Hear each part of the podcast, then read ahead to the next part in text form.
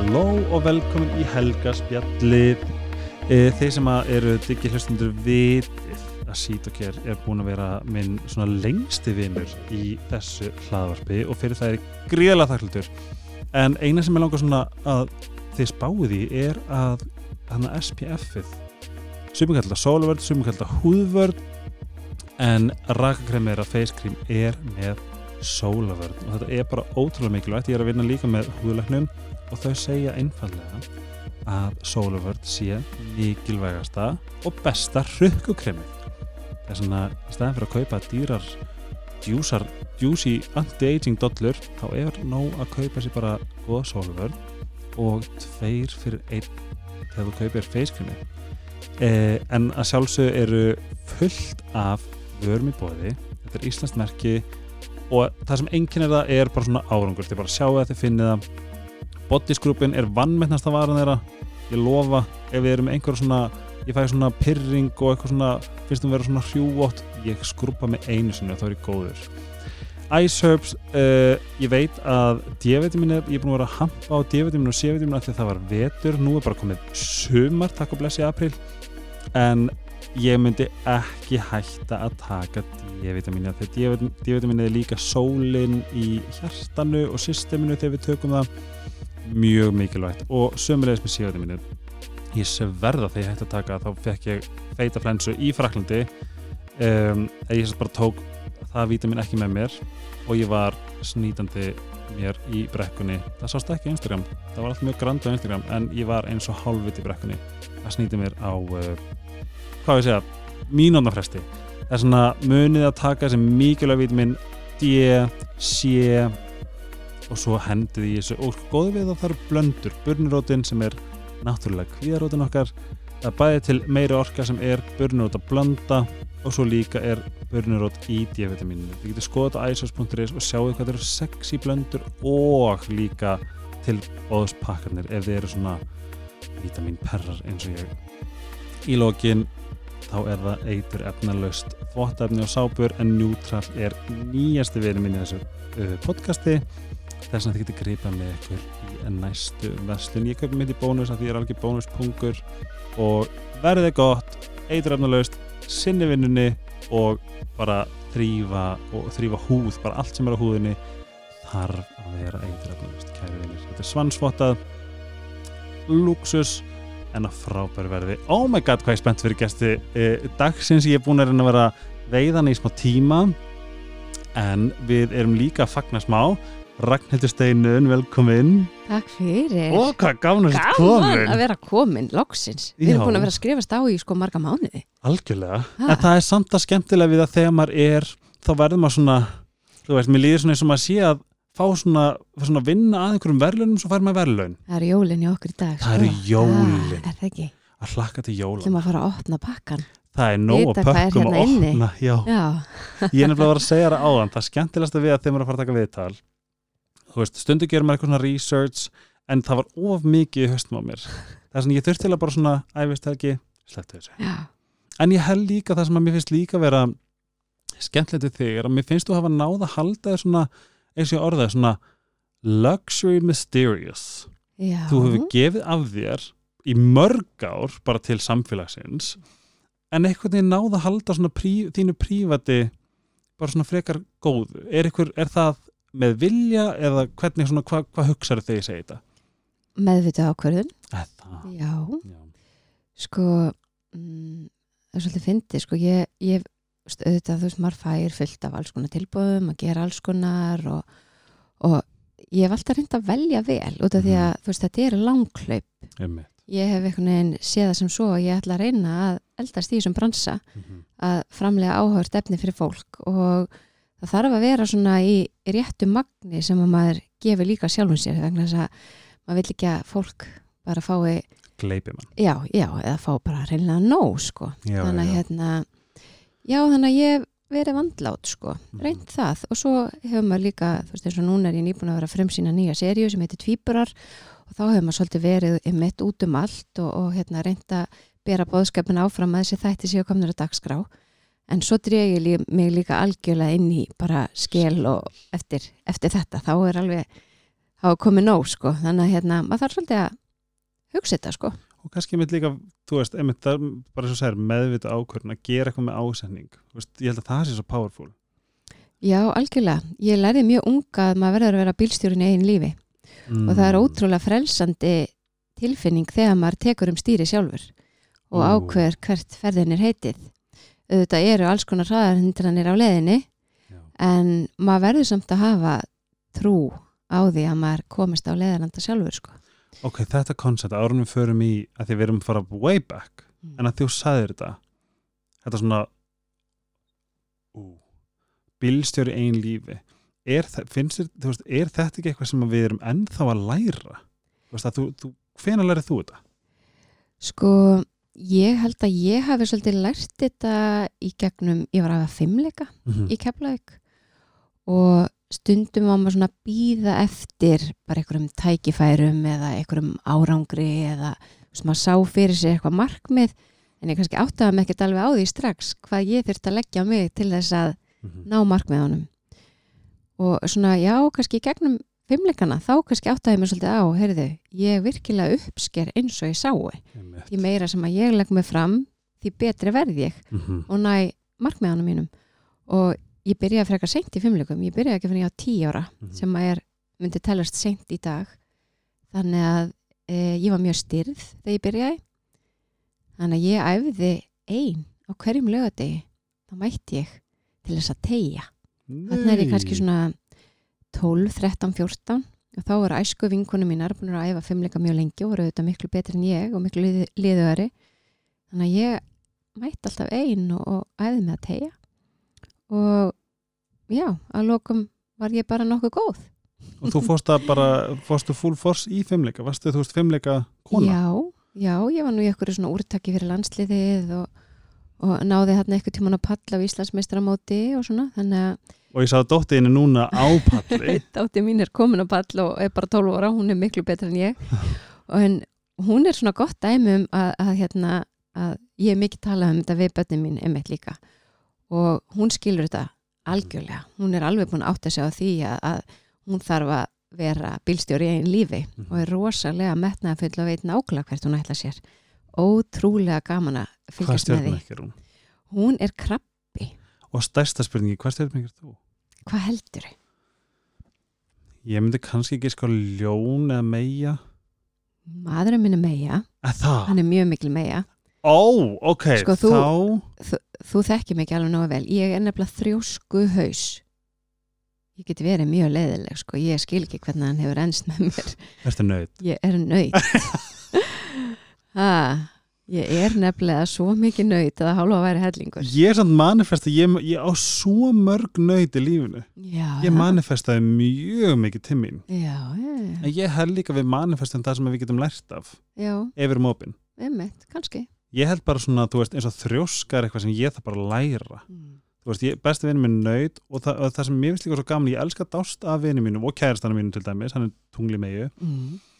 þegar mér líður eins og ég geti lært eitthvað. Já, mér langar ekkert að vera eins og allir vinir mínir allir, eða svona mitt næsta net. Mm. ég held að það sé svona fegurðin að fá að þú veist, þegar maður, þegar maður svona aðlæra sér sinn hóp það er svo ógeðslega gaman að dásta þeim og læra þeim. Já, og er svo gaman að tilenga sér kosti annara ángríns, hérna, líka því að það er kannski ekki eðlert að maður pikkið það upp. Mhm. það getur alltaf bætt mann eitthvað pínu. Já, algjörlega, algjörlega. Ertu frá keflæk? Já, ég er semst fætt og uppalinn í Keflavík Mm. og ólst þar bara upp í hérna í blokk í heiðakvammi með pappa mínum e, missi móðu mína þegar ég er sjöra gömul Mhm. krabba meini og átti alveg bara ótrúlega góða batnæsku mér finnst hérna pappi minn hafa staðið sér mjög vel Ó, það vera einstæður með hérna litla stelpu hann var í krefjandi starfi var að vinna í hafnafyrði þannig Mm. að hann þurfti alltaf að keira á milli þannig að ég bjargaði mér mjög, mjög mikið sjálf. Þess að þú ert engabann já, ég er engabatt þar til fyrir 16 árum. Þá eignast ég hálsistur Núna 16 árum? já, Nei, áttu 16 ára já, sýstir já, já, 16 ára hálsistur hann að telmu Karin sem er æðisleg. Ó, æði svo stolt að henni. Þannig að hérna, já, hún og pappi eru stór hluti af svona, okkar daglega lífi og fjölskyldu, við lítum svolítið á okkur sem eitt stóran hóp sko, hvað það fallegt. Já, hvernig ef þú myndir svona, ef þú horfir tilbaka ef þú ert svona, að því að þú veist fyrir sjöra bad, þá lítur að vera bara þú veist, það lítur að flókin aldur að lenda í þessu áfalli þegar maður veit, en svo veit maður samt eða ekkert. Hvernig, hvernig var þetta, hvernig mannstu eftir þessu? E, það er svona fyrsta spurningin. Og líka hvernig hefur þetta mótaði, hvernig mótaði þetta þig svona sem galóran sem ert í dag? Ég náttúrulega áttaði mig aldrei á því að mamma mín væri að fara að deyja. Mm -hmm. Ég náttúrulega vissi hún væri veik en svo man ég alveg ljós lifandi augnabliki þegar símtali kemur að hún hafi kvart ég er heima í ömmu minni og mjög erfitt augnablik en síðan man ég ekkert. Blakkat bara í ár sko. bara lokað? Já, ég man ekkert eftir jarðaförinni eða fyrstu tögunum í skólanum eða neitt sko. Þannig að hérna ég held að það þetta hafi bara verið ákveð áfall og auðvitað þessum tíma var líka það var unni allt öðri sem með þetta með börn, okkur var svolítið svona kift frá, reynd að verja okkur mm -hmm. en samt sem áður auðvitað kannski finnum að er sásökan hjá fólki og, og allt sem er að gerast. Og ég held að börn í dag taki meiri þátt í sorgaferlinu sem er mjög mikilvægt til þess að bara vinna úr þessu. Þannig ég held að ég hafi svona bara setna meir unnið úr þessu gegnum árin Ég hef líka bara það svo áhugavert hvernig heilin bara virkar. Veist, það, svo, það er svo magna hvað þessi supertalva gerir veist, ég, ég hugsa alltaf sem verkamenn sem taka ákvarðin sem eru svona hvað hefur að gera, eitthvað svona. Að einmitt til þess að vernda þig mm -hmm. þá bara láta hún bara gleymi sig. En líka minn gleymir aldrei. Þetta, þetta registerast alltaf í okkur sem er svo gott að vita. Veist, við höldum alltaf að við getum sigrað einhvern veginn líka mann það er ekki henni, það kemur alltaf uppgeri mm. kemur alltaf skuldatöfum Algjörlega, ég held að það sé rosalega mikið fyrir bara foreldra og kannski ungt fólk sem er hlusta að það er svo mikið vett að tala um þennan tíma og hvernig manni líður mm -hmm. og pappi var sem betur fyrir rosalega duglegur að tala alltaf um mömmu wow. við mig, að rifja alls konar upp og myndir og, og allt þetta og það er svo öflug leið til þess að komast yfir áfallið að vita þó allan til þess að maður á þess að sterk og fallegu minningu sem að hverfur aldrei Einmitt. að rækta það svolítið Hvað hétt hún? Ragnhildi Steinun Nei! En þá Já. byrð gott múf þegar að vera að skýra þig Já, sko það er svolítið fyndin saga með nafni vegna þess að, að ég heiti Ragnhildi Steinun og mamma héti Ragnhildi Steinun amma mín, mamma hennar héti Ragnhildi Steinun Nei. og amma hennar Hættu svo náttúrulega verð ég ólétt að mínu fyrsta batni og það kemur í ljós að það er stúlka. Já, nema hvað að um, hún í rauninni fekk draumnafn, hún heitir það? Já, og hérna og það var í rauninni þannig að, að sko Eldey er klettadrangi á Reykjanesi sem að mér hefur alltaf þótt opbúslega svona máttugur og, og, og fallegur. Og ég segi við, við manni minn ekkert um hann hérna, sko hvernig finnst þér ef þetta verið stelpa? Við sem ekkert þetta verið stelpa þá það myndum skýra hana Eldey og hann svona, "Ah, hann kannski svolítið sérstakt nafnástu mín. Í þá, þá, þá, nú er þetta bara núna, já, já. en hérna og svo bara nokkrum dögum síðar þá ringir sýstir hans sem að hérna er hagfræðingur og svona hún er ekkert svona endilega á andlu málefnunum. Já. og bara herði mig dreymdi svo skrítin draumi nótt. Mig dreymdi að ég eignuði stóttur og bara líst henni með laungugnar stóra augu og bara líst henni eins og hún er í dag. Vá, nema þeir skýrðu hana eldi. Hættu ég hef aldrei heyrt þetta nafn áður. Og maður minn flettis upp í morgun að þetta er vist til. Og ég er náttúrulega bara að leiðnast í yfir mig. Einmitt. og það var bara ákveðið þá. Ef þetta verður stelpa þá er, er þetta eldi. Það er líka svo skemmtilegt þegar fólk sem er með þarna sem er kannski ekkert svona í þessum bara eitthvað svona, wú, eitthvað svona þarna, kannski ekki að spá í kaffibotlan á hverju mótni Nei, Nei. Það finnst mér oft vera, þú veist, amma er svona, þú veist, jú, hún er, hún er trúið en hún Mhm. getur sagt alls konar sem ég bara svona, vá, hvernig, já, hvaðan kom þetta? já, og mamma sagði við mig og þetta er eitthvað sem ég gleym aldrei því að mamma var ekki þannig, hún var mitt bara svolítið bara praktísk og hún var bara búin að alveg mitt fjögur börn og bara mjög svona bara alveg börnin og þú veist bara halda öllu góðu og svona dúlla. Einmitt. En hún sagði við mig sko þegar hún hefði fengið í hendurnar að þá hafið það bara, það bara svona glamraði haustum á henni bara svona ertu komin aftur, bara ég þekki þig. Og þegar hún sagði þetta þá viss ég líka að hún er ekkert að veist, það, það, var, það var genuine hjá henni. Já, það er eitthvað ótrúlega powerful við það. Já. Það er svona eldei er, heitir eitthvað meira? hún heitir Eldei Erla og okkur það flott. Já, og hérna, og svo voru þetta hérna alls konar svona mér leiðin svo að vera alltaf verið að pikka í mig á meðgönguna minna mig á, fylgdu þessu, fylgdu draumnum vegna þess að hérna, svo byrjaði náttúrulega eldgós í Eyjafjallajökli og það var eldgós í Eyjafjallajökli þannig að eldei Já. og var alls konar svona hérna, skrifaði stjörnuna já, það var það. Finnuru, finnuru, þú veist finnuru fyrir henni, talar við hana sérðu skilaboð já, sko ég geri það.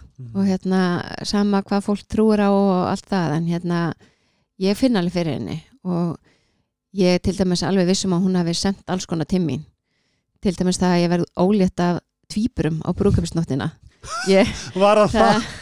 það, hlýtur náttúrulega bara að vera brúðköpskjöf frá, frá mömmu sko. En ég Ég- gíska, þegar, þegar, þegar það kom að því fegst það ekki smá svona really mama? Jú. Mér fannst þetta svona pínu og, eins og eitthvað svona góðu djókur frá henni. Hérna, hún var nú, var nú hress kona og gætna og heldur betur gandast. En hérna, jú, jú, þannig að ég finn alveg fyrir henni í, í hérna, daglegu lífi og, og hérna, já, held henni bara þétt að mér og tala mikið um hana við börni mín og, Ó, og svona. Ég nefnilega sko að eiga svona er alveg gjöf eins krefjandi og bara einmitt tráma þetta bara er, Mm. ég nefnilega svona það meist, ég, ég get alltaf einhvern veginn sagt þetta er pottit að merla Já, ef eitthvað gott gerist, ef það er eitthvað sem að svona Mhm. það er pottit að merla Já, algjörlega. Og kannski er þetta líka bara gott að hafa eitthvað svona haldreipi sko, en, en ef að það hjálpa manni þá á maður bara lifa sér það.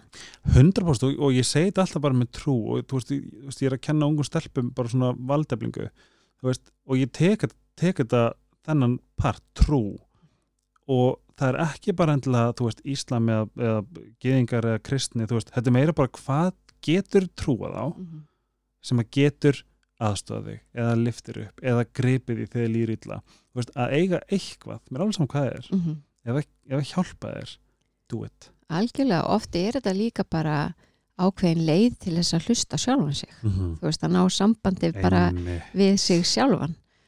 Þó hérna, og hvernig sem maður gerir það, þá held ég að allir ættu að, að tilengar sér einhverja aðferði til þess að geta hlustað á hvað þeim í rauninni, hvað þá raunverulega langar í, sko. innsæði það eitthvað sem Já, að kalla á mann. ég verða, ég ætla að segja þetta off-air ég get svona alveg gert Mhm. það hér. E, Söngukeppnin 2022 já, þar sem að við vorum hérna í salnum uh, að þú að sinna frekar stór hlutverki, já. ég aðeins minna Þú var stílisti, þarna, já, ekki? ég var að hérna með Stefán Óla Stefán Óla, einmitt. en það var svo fyndi, ég gleymi aldrei þá hérna það er strákur með Stefán Óla plakati Já. og hann var bara svo mikil dúlla að vinka og ég, og ég man hugsa bara veist, þessi drengur, það er svo mikið geislabögg Mm. hann var svo genuine eitthvað og svo mikið krúft, hann var svo svona svona hann var svo góð, hann lúkað svo mikil dúlla, svo góður. Og það er eitthvað við þetta sem að bara, þú veist, ég elska góð hunda, elska gott fólk, elska þetta, þú veist, ég, þetta er eitthvað sem ég bara svona uh, þú veist, protect this. Og kemur svo ljóst að svona Já, það var svo fyndi, hann satt til að alfa mót okkur. eða svo gætt snúið sér af stólarni fyrir framann okkur og hann snýri sér við. Já, og ég var, ég var eitthvað hérna, þetta er ekki hvað þetta, axla? Nei hvað er þetta, Stefán, vinka, vinka, Já, sögum mikið dúlla einmitt. vinka honum, ertu góð, eitthvað svona. Já, einmitt. það var svo ótrúlega gaman. Skemmtilegt, já, þetta er Jökull, sonur, sonur okkar. Já, hvað er eigum mörg ára sem sagt- milli? það eru þrjú ára milli eldegar og Jökuls og hérna, og þau náttúrulega bera bæði þessi nöfn, eldurinn og, og svo ísinn og þá áttum við náttúrulega bara eftir tvö önnu frumöfni þannig að það var tindur, jörðin og svo stormurinn sem er loftir Nei! þannig að, jú, Vá, þannig að það er þessi fjögur frumöfni sem að já, svona tákna bönnin okkar, fjögur. Klárum þau aðeins að því við erum byrjuð. Og líka bara þau, þau, er, þau virka eitthvað svo eitthvað svo þau eru svo mikið, krútt eitthvað, þau eru líka rosalega líkall Já, þau eru mjög lík og það eru margir sem spyrir mig hvort ég er tvö pöra týpurum halda semst eldei og, og jökull séu týpurar og Er svo, já, svo á ég náttúrulega týpuran tind og storm þannig hérna, eru þeir einegja? þeir eru einekja Já, já, já, hlaut að vera. Þeir eru mjög líkir sko. En það er rosa gaman hvað þau eru öll lík. Þau voru, þau voru rosalega hérna, þetta hlýtur að hafa eitthvað megingen í honum að passa allt sé bara eins og svona, þetta á að vera bara svona sama, sama uppskriftin sko. Sama Já, það, það lítur bara að vera Já, þau eru yndisleg og ég er náttúrulega bara, mér finnst svo oft svo skrýta að ég eigi svona mörg börn vegna Já. þess að ég er náttúrulega bara alin upp sem einbyrni Já. og ég hafði aldrei hugsað til þess að ég myndi eignast svona mörg börn Mhm. og svo bara allt í hennu enda ég með fangi fullt af Einmitt. sem að hérna er, er ótrúlega skrítið Það ekki eitthvað smáinn forvetnin en ég, ég ætla að fara örlítið tilbaka Já. og svo koma aftur. Mm líka sko að því ég, ég sko, mér finnst ég vera að ströggla sem sko móður hunds. Minnst það rosalega mikið vinna. Er svona, ég ætla aðeins að fá forvetnast um það á FR eftir en ef við förum örlítið tilbaka til keflækur Já. núna, núna vitum við að þú ert hvað sagði, þrjósku þrjóska haus þrjósku haus. Hvernig varstu, hvernig var Ragnhildasteinun svona í, ef við tökum til og með grunnskólan mm bara svona í námi og störfum og öllu? Já, rosalega saminskusum já, ok, ég var það. Uh, ég held að ég hef alltaf verið svona krakki sem að uh, pappi þurfti ekki að hafa miklar áhyggjur af. Mhm. og hérna, en það eru þetta líka bara vegna að ég læri bara mjög unga. Ég þarf bara að bera ábyrða ákveðnum hlutum á heimilinu. Mhm. ég þarf að hérna bara ganga frá eftir mig og Einmitt. hjálpa til við að vaska upp og pappi bara vinna langa vinnuta og ég þarf að ganga til æfinga sem að, þú veist, ég menna við byggum einst langt frá íþróttahúsinu og hægt var, þannig að hérna, að bara lappa heim úr skólanum og fá sér að borða og svo að lappa aftur á æfingu og ég er ofta að segja þetta við börnum mínum mitt líka, hvað tímum bara var allt annar, ég menna þú veist, ég man að ég var stundum með tíkall með mér þannig að þá get ég ringt í pappa eftir fimmilgæðingar í svona kassa? Í svona kassa. Nei. sem að var kannski, þú veist, kringum hálf átta. Og það var rosalega mikið snjókoma, svona blindbylur. Þá leiði ég mér að ringja og spyrja pappi, nennur að sækja mig í dag? En stundum var svar já og stundum nei, þá bara labbaði maður heim í blindbyl. Og auðvitað þetta þú veist, þetta hefur auðvitað bara búið til dugnaðin í mér. Ég er, ég er ég aldrei fengið neitt upp í hendunar ég hef alltaf þurft að hafa fyrir mínu og þannig eru þetta líka árangurinn sætastur þegar maður er búin að hafa fyrir því. Einmitt. og þetta er bara eitt af því sem að ég er svo mikið að reyna að kenna börnunum mínum í dag og ég held að þetta sé krefjandi fyrir foreldra í dag. Að bara kenna börnunum að leggja sér fram Mhm. hafa fyrir hlutunum og þjónusta þau ekki of mikið. Eins mikið og maður elskar þau út af lífinu og mann langar að, Gera gera allt. fyrir þau. Einmitt. Að þá þarf maður að gera það sem er rétt fyrir þau Þetta er nefnilega alveg ógeðslega valið og held ég mjög powerful punktur. Og ég var að tala um þetta vinkonum um daginn að því að núna, núna erum við miklu meðvitar um hvað móta okkur. Þú veist það sem við erum í dag hvort þú maður sem eitthvað þú veist þetta koncept tráma frá, frá þú veist þegar maður var lítill okkur svona. En ég finn það hvað ég er þakkláttu fóldur mínum fyrir að hafa þú veist þau letu mig leiðast. Mm -hmm. af hverju, af því að ég gæti alltaf fundið mér hvað að gera. Mér leiðist aldrei. Einmitt. Þú veist, ég get, ég get allt, þú veist, ég, ég eiginlega bara þarf að setja það bara, ég þarf virkilega að einbeta mig við að leiða mig bara að horfa þátt án þess að vera að gera eitthvað, mm þú veist, að fara í bíó er eiginlega þægilegast því að þá get ég ekki gert neitt, -hmm. skilju og þú veist, og, það, þú veist, og þetta er einmitt svona punktur sem að sko hvað sjálfstæði er rauninni mikilvægt. Já, algjörlega. Og ég er svo sammálað þessum punkti að hvað maður þarf að passa sig að, að veist, og líka bara það að, að vera leiður mm -hmm. það er bara hluti af tilfinningarófunu það er bara tilfinning og ástand sem að veist, maður þarf að læra að takast á við. Og þess vegna sem fóreldri þarf maður auðvitað líka að passa sig að reyna ekki veist, að fylla upp í allt tómið. Það er alveg eðlilegt að börn séu stundum leið. Og hér erum við í dag fullorðin og hvað er það sem að er að styrkja okkur.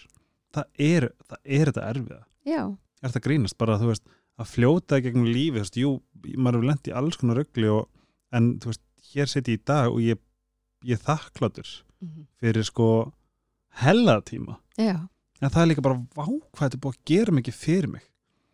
Skilju, þetta er, þetta er bara bókstælega lögmál eitthvað, eða trúi ég að sé lögmál líka sem gildi fyrir allan aldur. Veist, það er krefjandi. En hvað, þú veist, en hvað ætlar að gera við það þú veist, það, þú getur alltaf yfirbúið þig. En ég set alltaf sem svona verkefnabækur. Að englarnir og alheimur sé alltaf með verkefnabækur. Þú verður að, þú verður að fatta hvað er verið að kenna þér. Þá ertu komin í næsta áfanga. Algjörlega, læra mistökunum. Bara, mistökun skipta engum máli. Nei. það er hvern, hvað þú gerir eftir þig. Einmitt. það er allt í lagi að gera mistök og það er svo mikilvægt að segja börnum það. Það gera allir mistök. Mhm. og við eigum að gera mistök. En svo er það, hvað gerum við eftir mistökin? Einmitt. breytum við rétt þá, lærum við að þeim? Og líka svo bara spurningi sem ég spyr bara alla í kringum mig. Ok, hvað hvað ætla að sé að kenna þér? Mm -hmm. af því að ég, allavega, ég veit hvort þú þekkir það þú veist með vinkonu hópa og svona. Þið- þú átt potið vinkonu sem að kalla til sín hálfvita, aftur, aftur, aftur. Já, já, já, við hefum allar svoleiðis vinkonu. Sem betur fyrir ekki margar en nei, en Jú, jú. þú veist, þetta er svona þú veist, einhvern veginn held ég við eigum allar eitthvað sem bara svona, að hann var ömulur og það er svona já, en það er líka því að þú veist það, það þú veist, þú kallar til því lærdóminn sem þú þarft að læra þú Mhm. verður að læra þessu mm -hmm.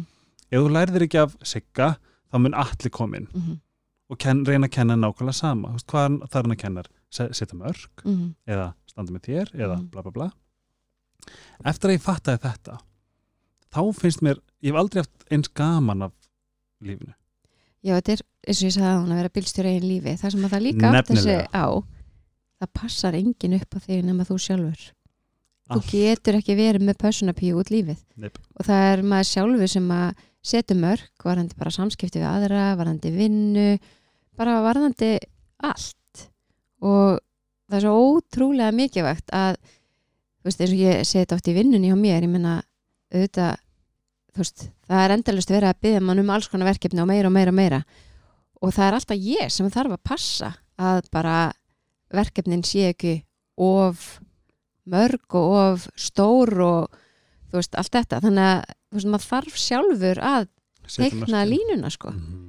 að hérna passa upp á sig og hérna passa vinni gefi sig og, og passa að hugsa um sig og gefa sjálfum sér tíma og andrými og allt þetta, það er ekki þetta að kenna ykkur um öðrum um, já þau létu mig vinna svo mikið. Það, það, bara, það var öllu held á mig.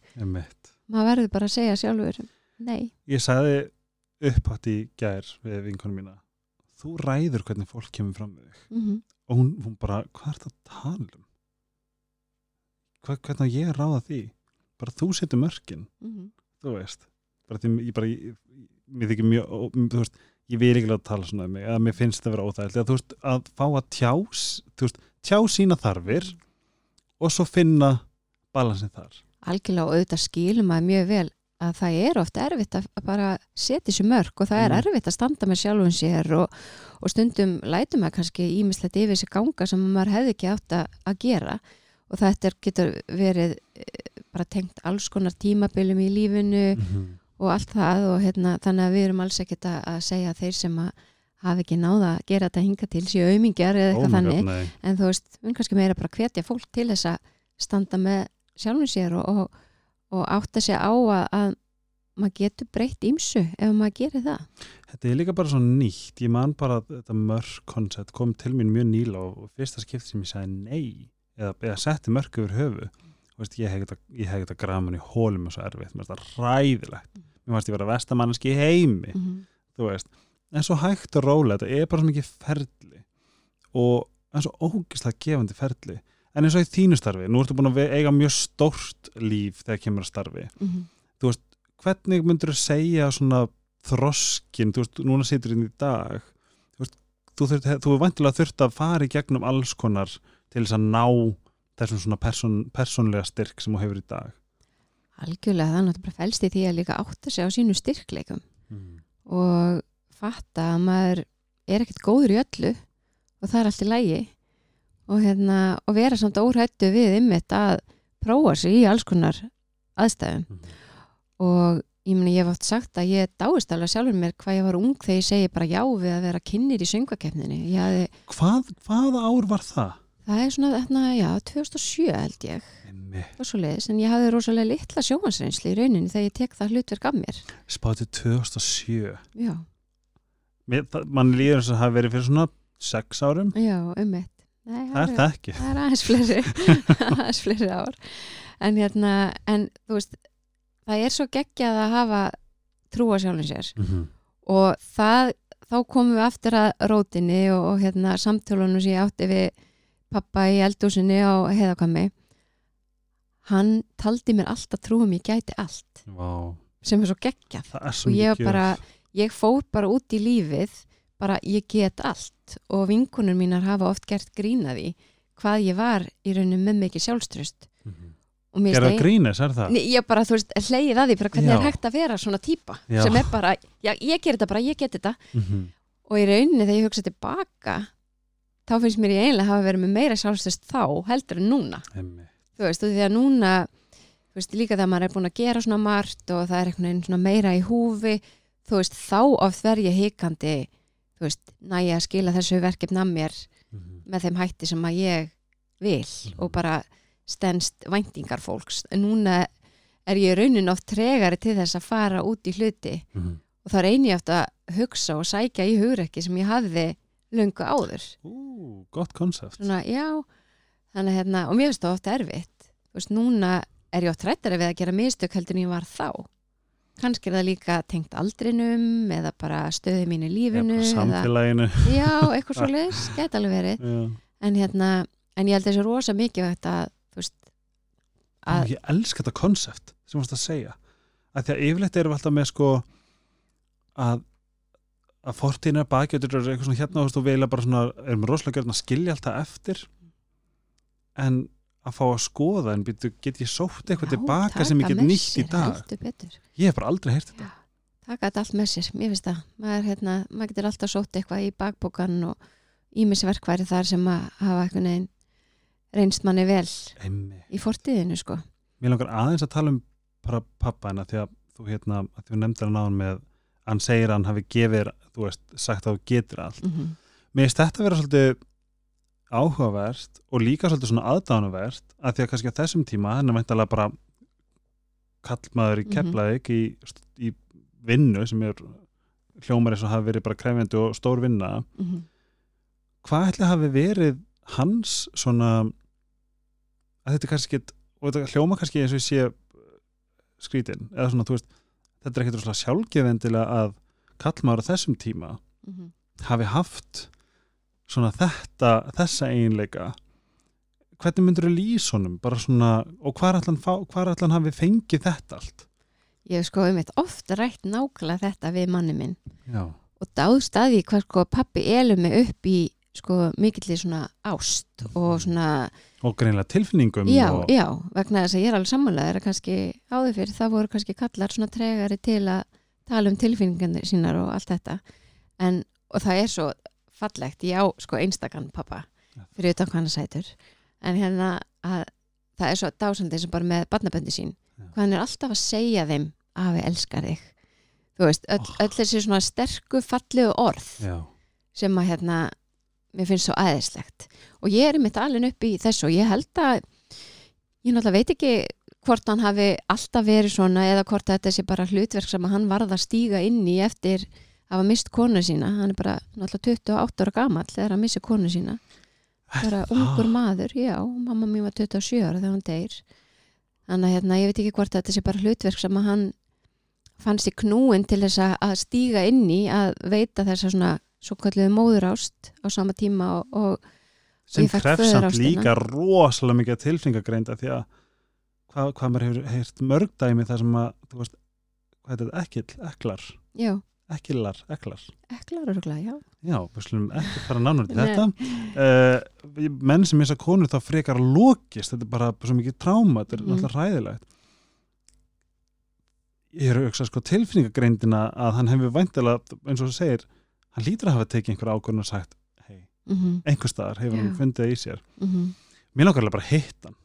Já, eh, hann er hann er frábær og mér finnst líka sko, ég upplefa hann líka bara svona eins og hann hafi vandað sér svo mikið sem er svo fallegt. Oh, svona allt gagvart mér, hann er alltaf vandað sér svo að vera sem bestur faðir. Mhm. en hann lendi svo í mjög alvarlegu slísi nokkrum árum eftir að mamma deyr og var á grensás alveg í hálft ár endurhæfingu.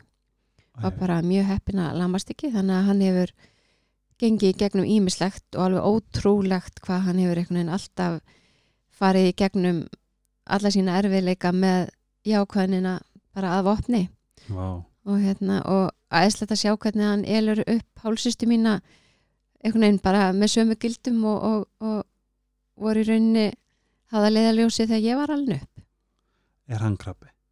Nei, hann er nefnilega nöyð líka Já, Nautin er dásalega, ég er að segja það. Vá, mér finnst þetta bara svolítið magna því ég held bara núna þegar maður er farin að skilja betur og þú veist núna þú veist, við, við, erum, við allavega kannski svona okkar kynsla, svona millennial kynslanum farin átt og gráði að þú veist að okkar fóreldrar gera sitt besta þau, þú veist, þau þau tóku með það sem þau kun, kunnu skiluru eða það sem þau fengu og á þeim tíma það var náttúrulega engar upplýsingar. Mm þess að það er svo margt og ég er einmitt saman pappa minn, hann er bara algjör demantur, -hmm. en það er ekkert sjálfgefið Nei að því hann kemur úr mjög erfið þú veist, mjög erfið hérna, hvað er svona bak bara svona sin- sinni, hvað er þetta bakgrunn Bakgrunn, já.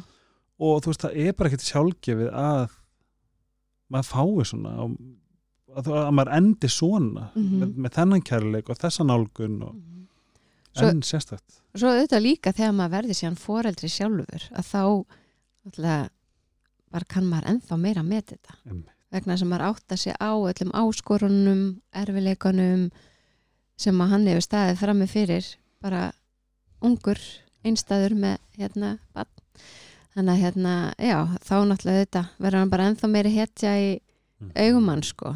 Hvernig er, hvernig er, þú veist, er þið búið nálagt er þið, já, við erum í göngufæri. að Það- það, já, já, já, hann er bara er í svona fimm minntur melli er þið í Reykjavík? Já, við erum í Vesturbænum, hann Ok. er enda til er nesinu, hann og sýsti mín eru á nesinu en hérna eru bara nokkrum skrifum frá og, og þau bara, já, koma rosa mikið til okkar og, og er bara alveg dásanlegt að geta haft það hjá okkur, sko. Þannig að sem einstaklingu sem á fjölskyldu á segja sér það er mikil já. það er, svo, það er svo mikil svona voru, það, ég var að lesa um daginn þú veist það er svona, gjaldeirir nútímans. Já. er þetta, er Nei. tilfinningagreind fóreldra, er kærleika fóreldra er með, þú veist, útsýni, göngufæri veist, Mhm. að vera nálægt og allt svona? Einmitt, bara þessi stuttu innlitt og það er mjög krútlegt, ég verði einlega að segja frá því að ég er náttúrulega búin að starfa mjög lengi í sjónvarpinu. Og hann sko, hann fylgist með öllu sem ég geri, hann er pottitt að hlusta þetta viðtal sko, og hvað heitir hann? Jón Þór. Hæ Jón Nonni, og það er svo sætt að hann sko sendi mér alltaf eftir hvert einasta þegar hann er búin að horfa á viðtölu mín eða hlusta á ykkur viðtöl þá sendir hann mér alltaf svona rítgerð sko. Já, hvað var svo gott og, og, og stundu þegar ég var að byrja sjónvarpinu þá var hann aftur, já, tala svolítið rætt þú ert að tala sægar og kemur svona punta sem að er hérna er mjög grútlegt þetta er mjög hólsam já, ég líður svolítið svona vel í hjartan já, núna. já. Uh, ef við förum við, við, þú eða kemst ekki hérna út aðeins að tala um hvar við öll kynntum þér. Já, og til að gefa þér smá hérna, bara mála smá myndhanda þér. Á segðisverði þá náttúrulega þú veist, stöð 2 og bara svona wow, við vorum ekki með skjá 1 sko. Við vorum með RÚF, Mhm. ekki FM 957 Mhm. Það er svona þegar ég var ung frá Ísland þetta var bara svona eins og Eurovision. Það sátu allir þegar við vorum með svona watch party. Já. Og- God. en, það, en þú veist þá er þetta að sé, þú veist, eitthvað sem að kannski, einmitt maður hugsa kannski, oh my god. Bara síns tíma. Í á sinns tíma, já, þetta hlýtur samt að hafa verið, þetta var alltaf mjög stórt þarna, hvað heldur að þú, þú veist, a, hvernig hvernig hugsaðu tilbaka um þetta? Mhm. og hvað, hvað þú veist, hvað líður þess að hafi gefið þér svona út í það sem þú ert í dag? Sko mm, ó, annað, hvernig, kom, hvernig gerist það? Já, how you scouted já, sko það var náttúrulega, þú veist, ég er bara úr Keflavík og Já. það er bara, þú veist, önnu hver manneski er bara beðin að taka þátt í ungfru sögunis í Keflavík. Já, Og það voru hérna- þetta fyrir já, já, það voru fórgetnin að blessa nema hvað, þannig að það var nú búið að byggja í nokkur ár og, og ég var svona, nei, nei svo, hérna, ég er rosa keppnismanniska sko. Ég held að að- hefur munað eftir já, ég sagði bara strax ég ætla að vinna þetta. Já. já, já, já, ég, En þú ferð svo sem ekki til keppni yfir höfuð á þess að vilja vinna Nei, nei, þannig að ég fór nú alveg í þetta með því hugafæri að, að vinna þetta var bara mjög opinn með það, sko. Já, en hérna, já, já, þetta ég er bara, hérna, skemmtileg tenging. Ég kynntist til dæmis í Ungfrú Ísland kynntist ég henni Íris Dögg Einarsdóttur, ljósmyndara Var hún í hún var með mér í Nei. Og við erum bara ótrúlega góða vinkunar eftir þetta. Hún Var Íris Jómfrú brúðkaupið- Ísland? Já, vinsalasta stúlkan. Oh my god. hún Mér finnst það ekkert skrítið hún, en, Nei, hún er geggið Þannig að hérna, það er alls konar gott sem ég tók hérna, með mér úr þessu.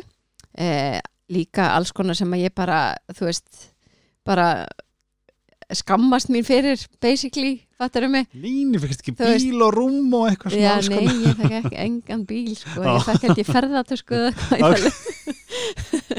Jú, fekk ég kannski rúm þegar þú segir það það Já, ekki? geti verið En hérna, þetta var bara, þetta var bara gaman þú veist, myndi ég uh, ráðlega dóttur mín að gera þetta í dag? Nei þú veist, en hérna eh, þú veist, það hefur auðvitað rosa mikið breyst, en, en ég fekk örgulega fullt að tækifærum út á þetta ég meina, Þú varst það sem svolítið svona kynnt já, svona, þú veist. algjörlega og bara, þú veist, var beðin um að þú veist, komi ykkur auglýsingar og, og eitthvað eftir þetta sem að Mhm. hérna ég gerði og síðan fer ég að dansa og, og síðan fer ég í pröfu fyrir sjónvarpið þannig að þetta er svona alveg hægt að segja að hugsanlega hafi þetta verið einhver stökkpallur sko.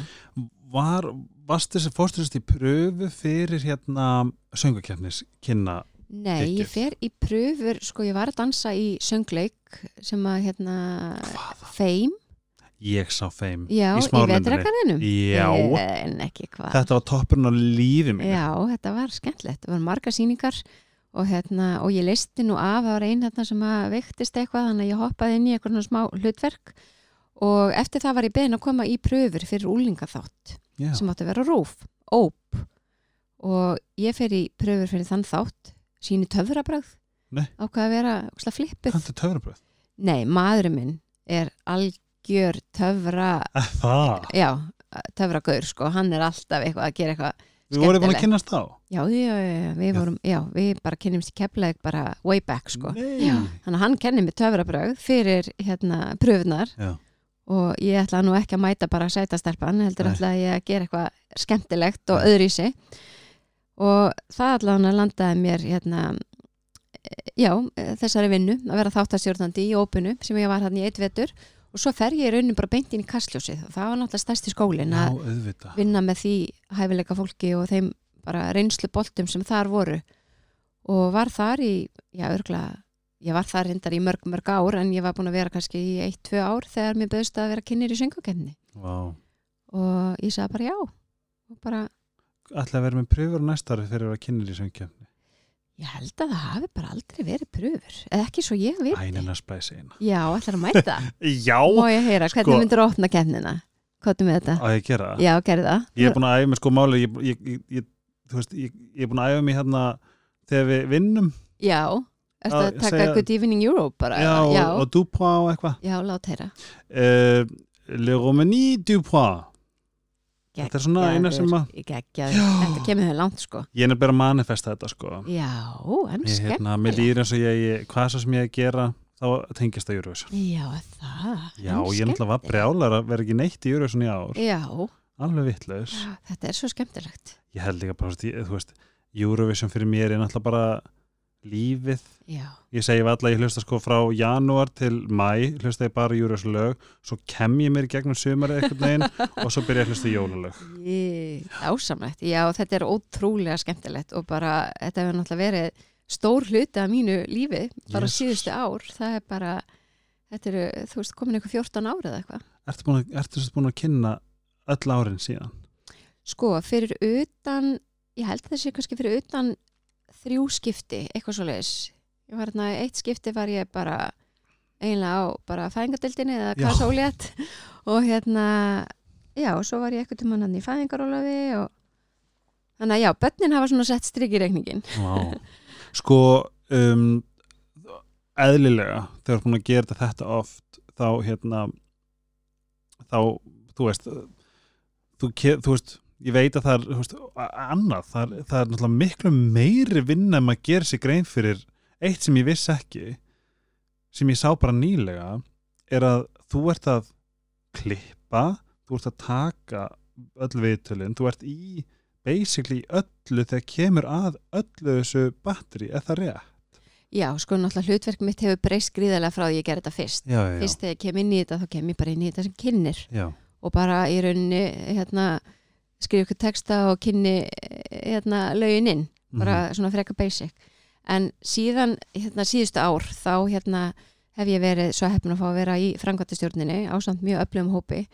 Og það er bara æðislegt, þannig, eru bara allir samankomnir, þetta er sem sagt Rúna Frey Gíslason og Gísli Berg, framlýsstjóri Salome Þorbergsdóttir sem er æðisleg og ég með ykkur stjórnur í augunum yfir henni. Já, ég, þetta er allt bara því líkir sko bara hugmyndasmiðir og fólk sem bara fórna sér í verkefnið. Og við Einmitt. erum öll aðna og við bara, við lifum fyrir þetta. Og það Einmitt. er svo mikið metnaður í okkur að hálfa veri stundum hellingur. Vá. og það er náttúrulega bara þvílík forréttindi að vinna með svona fólki. Við bara, við brennum fyrir þetta. Og jú, þá kemur náttúrulega bara því að það þarf að taka ákvarðanir allt frá því bara hvar er þetta, Mhm. hvernig stólar verða? Þá, hvernig grafík ætlum við að vera með? Ok. Þú veist, svo er það náttúrulega bara að velja að lokum hérna flytjandi á hópin, við erum náttúrulega með svona ráðgefandi valnemnd sem að fer fyrst yfir lögin en, en síðan tökum við í rauninu við boltanum og, og við erum náttúrulega að hugsa þetta sem heldar sjó og það þarf að huga ímsu fjölbreytileika og við getum ekki bara að vera með tíu róleg lög og Nei. hérna við erum að hugsa hvað skilar sér best á sviðinu og, og allt þetta. Þannig að hérna við bara púslum þessu saman frá að til lög ákveðum síðan hvernig ruslafötur er að vera og málið Fokk, það er fyndið.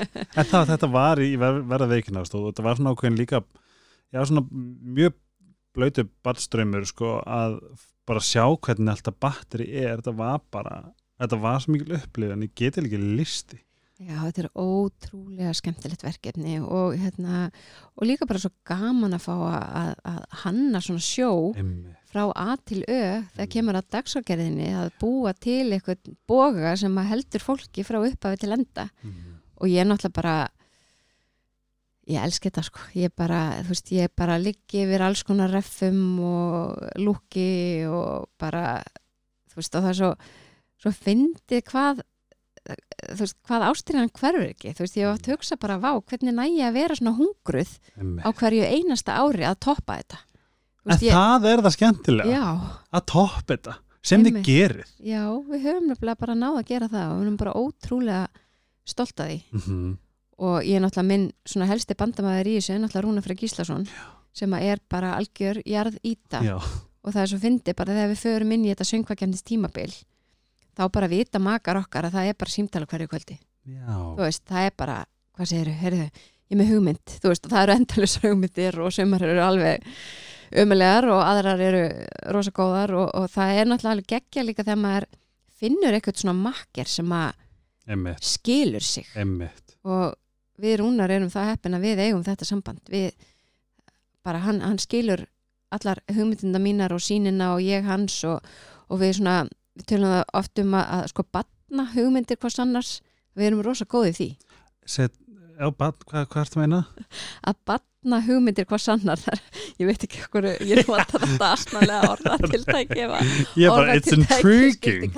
Tell me en þetta er svona að klára skilur því að oft Já. kemur maður með eitthvað svona bara ok, ég var að sjá fyrir mér eitthvað svona uppásatri og þú veist það er eitthvað við er einhver tenging við Bretland og, og við erum með eitthvað, þú veist, komin halva leið í hugunum og þá kemur hann með, þú veist, aha, já, um mitt, þau kom í breskun leið, veist, eitthvað svona Já, þú já, veist, já, þetta, þetta er eitthvað að ná að fara á vagnin manns til þess að klára skriftið.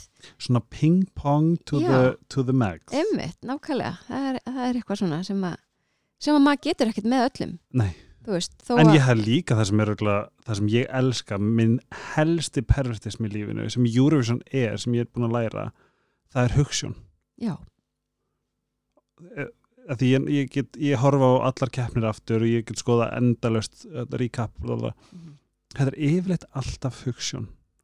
Algjörlega. Stegin fara til hugsunarsemnar já, af því að það er til stórkostlegi söngvarar.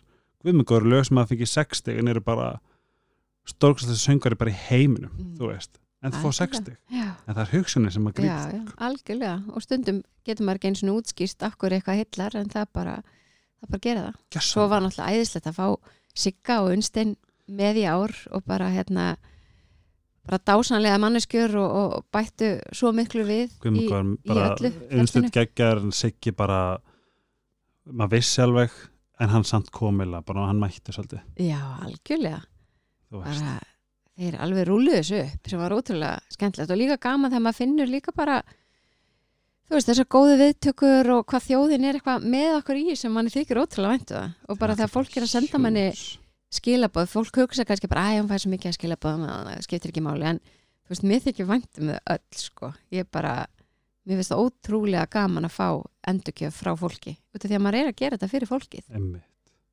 Málaði mynd fyrir mig hvernig ert það sunnudeginu?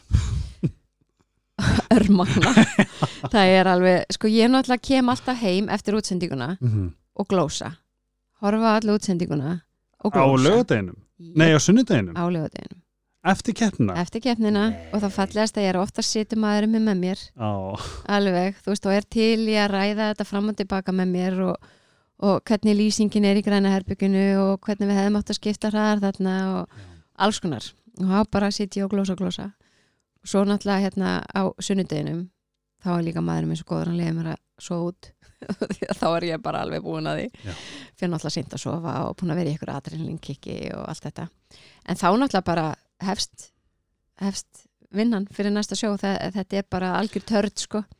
Hvena, myndur þú svona sirka slumpa á að þið færi svona svona byrji, hvena er svona fyrsti almennilegi fundurinn fyrir næsta? Sko, ertu að meina bara fyrir söngvakettina byrjunna eða bara fyrir næsta Næsta ár, fyrir næsta ár, Já. það í, í september núni í september já, núna í september, Brilja. þá byrjum við alveg að Vantar aðstofamann? í nákvæmlega I hel- work for free heldur betur, heldur betur það er náttúrulega hérna við erum, þú veist, þó að þetta sé rísa batteri að þá erum við samt ótrúlega fá Mhm. sem að erum, þú veist, í upphafi Einmitt. sem sagt, á á vélinni, sko og það er mitt alveg magna við, þú veist, rissum upp bara svona to-do listan og þetta eru ansi mörg verk sem þarf að ráðast í, sko Það er svo fyndið Hmm. Það er þegar maður bara horfir og njótir og Já. gleymur svolítið um að spá í hvað leikur á baki Já, ég held að fólk um eitt stundum haldi að bara þetta sé svona þægileg innivinna, sko. Segðum við, hvað gerur að því að núna, þú veist þessi, þetta er stórt líf sem lifir, þetta er stórvinna þú hlýtur að þurfa að, þú veist, hvað gerur til þess að algjörlega, basically bara hvað gerur til að slaka á og svona ná þessum kjarna Ég fer rosa mikið í göngutúra. Já. Mér finnst það alveg bara rosalega gott. áttu hund, Nei, mæli með uh, nei, veist það, ég get ekki meira. Ég, ég get ekki einn annan að skrýða um gólfið Nei, með eitthvað vesen. Ég bara get það ekki. Dótti mín er náttúrulega búin að byggja um hund sko, hún er búin að vera á fjórum fótum frá því hún fættist hún bara elskar gæludýr og bara, þú veist, er bara hana langar svo í gæludýr og mér finnst svo leðilegt því að hún er svo dugleg og frábær og stórkastl manneska að mér finnst svo leðilegt að geta ekki gefið henni gæ- gæludýr en ég treysti mér bara ekki í það. Nei, og einu sinni fyrir ámæleganar þá voru við hjónin upp í sófa og varum bara, ég bara, ok, við verðum að gefa henni gæludýr. Ég bara, ok, naggrís, bara já, gefum henni naggrís, bara vorum bara búin að ákveða að gefa henni naggrís þangað til að ég fór hans að skoða það á betur mér fannst þér bara eins og litlar rottur. Ég treysti mér ekki að hafa tvo naggrísi skrýðandi um í herbygginennar þannig að ég var bara, fyrir ekki, ég bara get ekki gefið naggrís, hann er óljótur mér finnst hann óljótur já vinkonum minn á nagrisa sko. Já, þú veist, elska all dýr en það er, ég er bara svona ú, ég er svona stípnallur upp og svona, hvað ég gera? ah, ég veit það. Kannski einhver tíman get ég verið með hund en ég bara, Hún getur fengið sumavinnu sem dog walker já. og bara passa Noel Já, það er einmitt hundur í botlangunum okkar Já. og hún bara hefur oft setið þar bara klukktímu saman Æ, og bara klappa á honum já, Æ, Alveg, er já, það er mjög sætt sko. þannig að hérna, hún á alveg potið eftir eignast hund en ég finn bara, ég, get, ég hef ekki rými fyrir meira eins staðinu núna, ég er bara að reyna að gera þetta Mhm, rosa vel sem að ég er með mhm. fjögur börn, krefjandi vinnu og allt þetta og ég bara treysti mér ekki meira. Ég bara skilði og mig þá vel. þarf maður bara að hlusta sjálfa sem Algjörlega, ég, við erum að íhuga annan hund sko. Og ég er bara svona, þú veist, og svo hugsa ég tilbaka eins og þú ert fjögaböld ég átti einn hund mhm, og ég, ég grét svo reglulega. Hvað mér fannst það erfitt og krefandi það er svona, girl, I see you. Já, en fínt að bara, þá getur, þá hún bara gert það sem ég gerir við vinkana minna, ég skila þeim. Já, einmitt. Það er bara flottu einmitt uh, göngutúra segiru, Já, hvernig er þessu göngutúrar? Hvað, hvað gerist í þessum göngutúrum? Mér finnst eiginlega best að fara bara út með þögnina með mér. Mm -hmm. og hlusta ekki einu svona neitt sko. Að ég er hlustandi á einhvern annan daginn. Hvað sem það er í vinnunni eða bönni mín þegar heimi komið eða þú veist, hvað sem er sko. Mhm. þannig að mér finnst rosa gott að fá bara svona já, tíma til þess að tala á sjálfa mig bara í göngutúrum. Bara, þú ert í tengingu við já, þessa innri og þar fæ ég oftast hugmyndinar sko. emmi.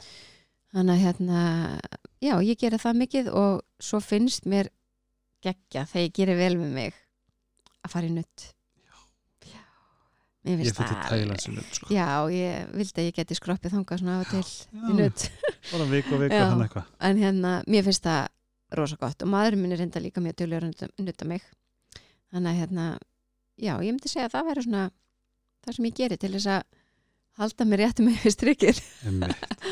En núna þegar þú þú vinnur þetta mikið og þú, þú virkar sem típan sem að ert með mikið í haustnum mjög mikið. mm -hmm.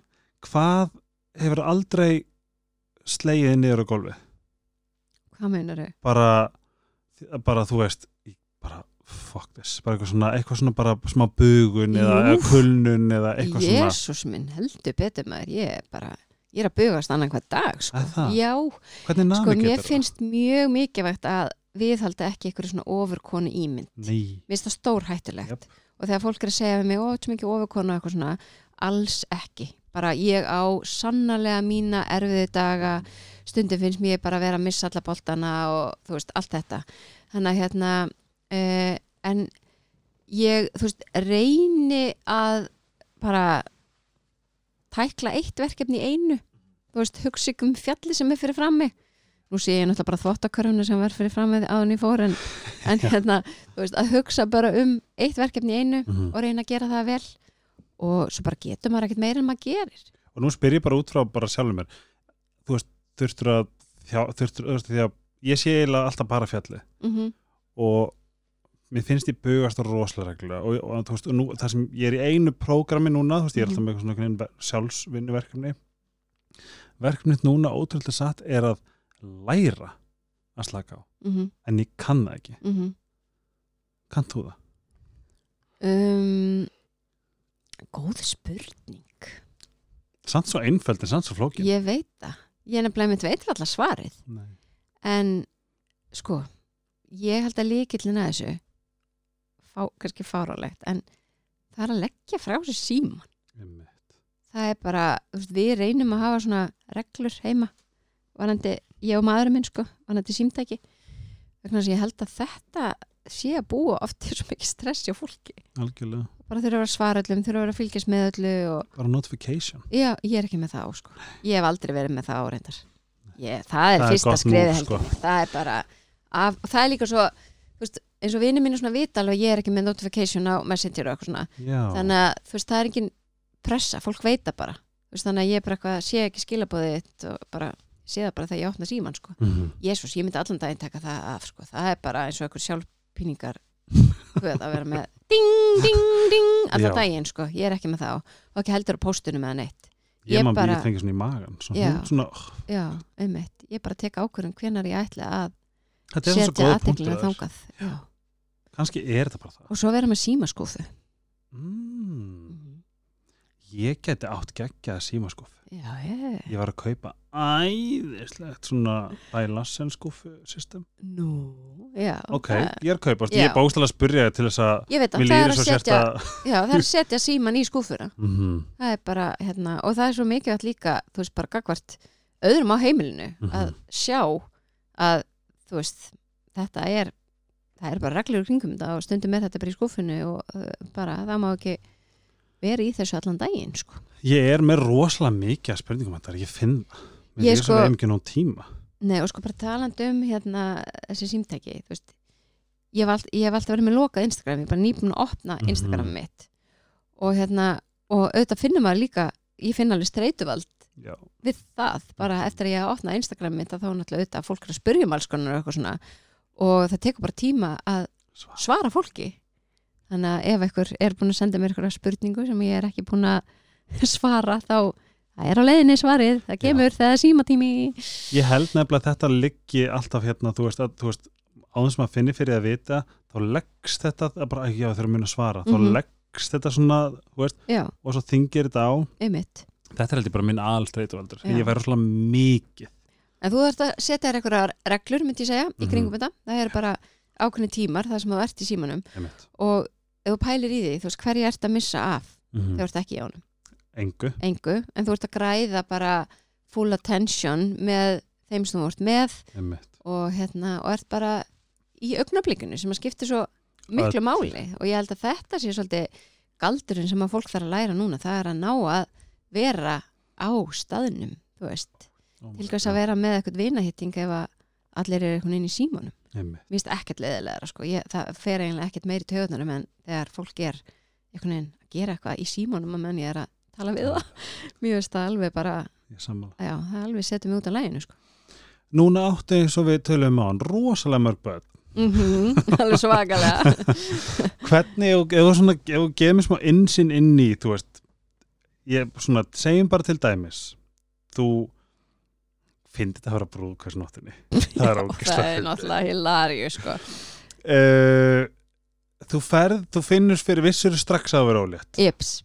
Þú strax. maður minn held að ég væri búin að missa vitið það var bara hefði róa sig. Já, þú veist það eru fjóri dag sem ég giftum okkur þú veist ekki, hvað er það að tala um skilur, bara okkur bleiku skí já, já, ég vissi það strax. Hvað fyrir, að þennan líka núna þessi þættir eru minnst er æði, ég er búin að horfa tvíbra ég, þættin já, ég er bara nýbúin áttum á því að ég sé með hérna ég tengdi eitthvað Nova TV það er vist bara með rúf og, mm, og sænsku hérna, horfa Melody Festivalin já, eitthvað og ég horfði á rúfum daginn eitthvað sem þetta sundlega sögur. Já það var geðvegt, geggjuð mynd, já, er ég orðin meðaldra? Mögulega. Um, þú færi sónar Já. og hvað sko reyndar var þetta þannig að um, ég fyrir sónar og mér er sagt að það sé ekkert fóstur. No. ég sé ekkert ólétt. Og ég er sendið blóðpröfur til þess að rauninni uh, hormónamagnið mm þungunahormónið og þar kemur bara í ljós ég í blóðu, hérna, blóðpröfur í, á tvekkita fresti og bara þungunahormónið er bara að tvöfalda sig með hverjum deginum. Ok. varstu Þannig- búin að pissa á Jú, jú, ég já. búin að pissa og það var byllandi jákvætt og allt. Já. og þá er mér sagt að ég hérna, sé með utanlagsfóstur vegna þess að það sjáast ekkert fóstur. Og hérna ég þurfa að fara í aðgerð. Þurfa að fjallega þá þetta fóstur sem að lítur að vera utanlegs. Fyrst að þungunahormónið er svona stert. Og það er bara planað tími í aðgerð. Svo fer ég aftur í sónar fyrir aðgerðina. Já. þá kemur ljós að það er ekki eitt, það eru tvö.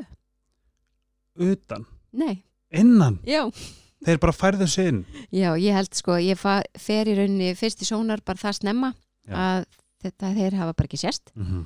og svo fer ég þarna aftur tveimur vikun setna fyrir aðgerðina og, og þá náttúrulega bara komið ljós að það var bara þarna tveir vinnir spriklandi saman í, í stöðu sko. og hvað, hvað fer í gegnum hausna á manni Ég var bara fekk sjokk sko. Ég bara þú veist, ég bara komið í bíl og ég var bara að há grenja sko. Ah. Ég var bara alveg í, í einhverju áfalli. Já, maðurinn minn alltaf sallarólegur eins og alltaf hann er svo mikið klettur. En hérna ég fór náttúrulega líka bara að hugsa um einhverja svona hluti eins og bara við þurfum nýjan bíl. Já. Eitthvað svona, hann var bara hvert þú að pæli því núna? Þú veist, þannig að hérna en þetta var bara svona alls konar tilfinningar. Ég fekk líka svona upplýði líka allir einu sektakend hvert hinum bönnunum okkar. Já, fekk svona oh my god, bara tvíburar við verðum bara ósofin og ókslega örmagna og bara, þú veist, ég mun ekki hafa orki að þú veist, sinna þeim eins og ég vil og Mhm. eitthvað svona. Þannig að hérna, bara algjör rússipanni, sko. er ekki eitthvað við það? Þú veist, það lítur að vera sérstaklega þú veist, núna er komið þáttur og nú ertu múin að gera þetta mikið af hérna, rannsókn, eða svona research. Mm Já, það er ekki bara rannsókn Jú, bara svona heimildavinnu. heimildavinnu, ein- einmitt ég er að íslensku væða þetta podcast vel að get um, þetta hlýtur núna að hafa verið svona eða nú spyr ég bara, hvernig er þetta ferli búið að vera sem tvíburamamma hvað hefur þetta svona gefið þér Sko, fyrir mig er þetta líka búið að vera uh, mikil úrvinnsla. Emmi. Bara á öllum þeim svona tilfinningum og álægi og eitthvað sem ég upplifði í gegnum þetta Já. og vissulega litar mín upplifun alveg þáttar auðuna þó að hérna uh, mín upplifun sé ekkert í aðalhlutverki. Mhm. en hérna um, þetta er búið að vera ótrúlega lærdomsrikt og búið að vera skemmtilegasta verkefni sem ég hef nokkuð Er tíma tekist á við. Já. gaman. Þetta er bara, mér þykir svo vænt um þetta. Ég er búin að hérna, leggja svo mikið hjarta í þetta og ég vona svo sannlega að fólk einhvern veginn finni fyrir því. En hérna já, þetta er bara búin að vera rosa gaman og ég er auðvitað líka búin að læra helling, bara sem tvíbura mamma. bara, þú veist, alls konar sem ég þarf að hafa og mun hafa í huga við uppeldi minna drengja Mhm. sem ég hugsaði ekkert út í áður Einmitt. og svo auðvitað líka bara fá innsýn inn í líf annara fjölskyldna sem að eiga tvíbura og, og kannski fleiri en eina það, fleiri en tvenna tvíbura kannski þrenna tvíbura er það til í Já. Íslandi? já, já, er með fjölskyldi þættinum sem á þrjúpura tvíburum nei Jú. Veist þannig að hérna, þetta er bara búið að vera magnað Já. og, og auðvitað bara viðtökurnar Mhm. ótrúlegar við fyrsta þættinum Ok. hann fekk mest áhorf af öllu sjónvarsefni við páskana sem kom líka rosalega á óvart þannig að hérna Er ekki góð tilning? ótrúlega góð tilfinning og hérna, út af því ég viss alveg ég væri með geggjað efni í höndunum en svo er það auðvitað bara að fá fólk til þess að setjast niður og horfa Mm -hmm. Það er oft bara ótrúlega erfitt. Það er svo mikið frambóð og alls konar efni og, Streymisveitur og já, og fólk líka kannski heldur að það hafi ekki áhuga á ykkur veist, um, ég á ekki tvíbara, ég þarf ekki að horfa á þessu Mhm. þetta en þú veist, það sem að við Eiríkur hefum reynd að gera eh, við vinslu þessara þátta er að finna þessa mannlegu taug í hverjum einum þætti Mhm. og skila henni heim í stofu. Ú, gott konsept, mannlega taugin. Og ég held að það hafi tekist og ég held að það sé ástæðan núna þegar við erum að spjalla saman þá eru tveir þættir búnir. Eh, þáttu tvö var loftin í gær og Þess að þeir eru á þriðdöfum neður á mándu Það er þriðdagur dag já, á á klukkan klukkan átta, fimm mínútur yfir átta. Og hérna, og bara búið að vera þú veist, og ég er náttúrulega líka bara ég verð að taka sjátt á hann Eirík Inga Böðvarsson. Og við erum bara tvö að vinna þessu, þetta er ekkert eitthvað teimi, þú veist, þetta er bara þetta er bara við tvö Vá.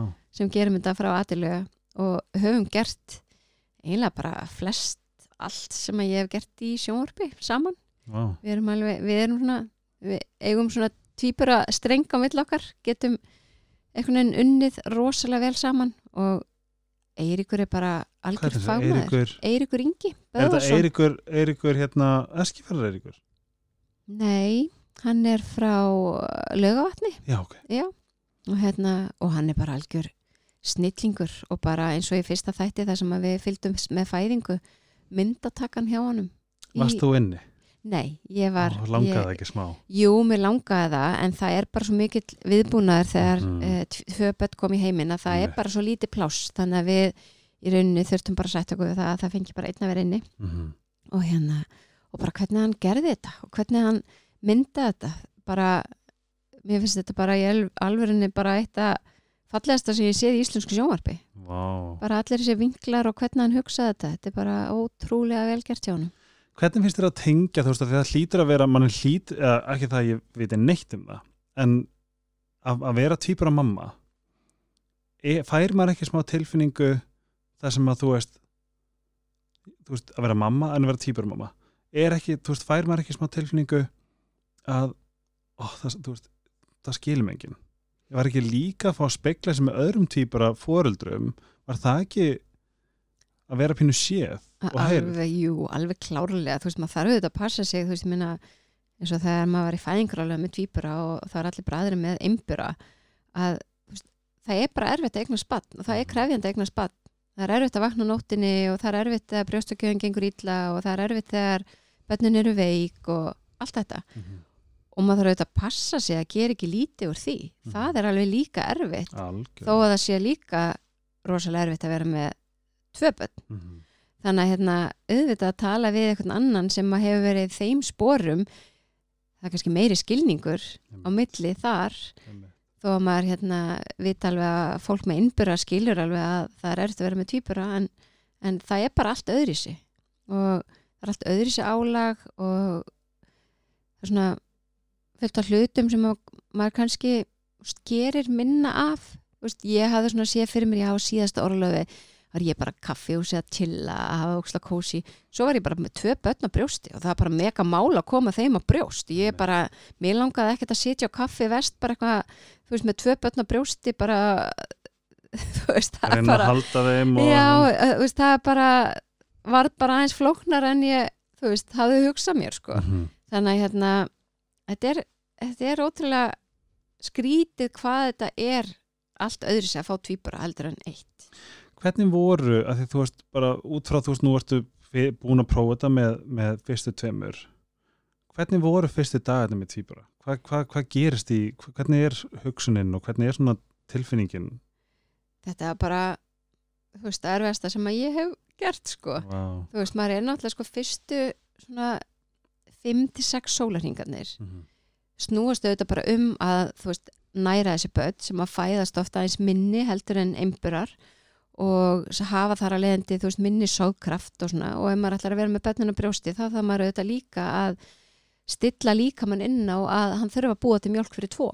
Mhm. og það þýðir að bara, maður þarf að þú veist, leggja bæði börnin á brjóst á tvekki tíma fresti og eftir brjóstakjöfuna þá þarf maður að pumpa sig með svona brjóstapumpu til þess að örfa mjólku framleysluna já, og það tek kannski, þú veist, hálf tíma að láta börnin drekka. Og svo þannig að láta þau rópa og svo kúkar annar og allt þetta, þannig að það kannski farin bara góður klukkutími þangað til það er komið að næstu gjöf hjá tvíburónum, já, en þá er maður eftir að fara í pumpuna. Já. og þá þarf maður að pumpa sig kannski hálftíma. Og þá er bara hálftími í næsta rönn. Þannig að þetta er alveg, þetta er svona vinna allan sólarhingin, þetta er líka svona nóttinni sko, Vá. fyrstu fimm sólarhingana þannig að þetta er, þetta er rosalega mikið álag Hvernig finnst þér svona kerfið og fræðsla og hvar, svona, hvar, hvar stendur þau þar? Með fannst þér að fá uh, rétta fræðslu, fannst þér að fá rétta aðhal, fegstu, hvernig var svona sá, sá hluti?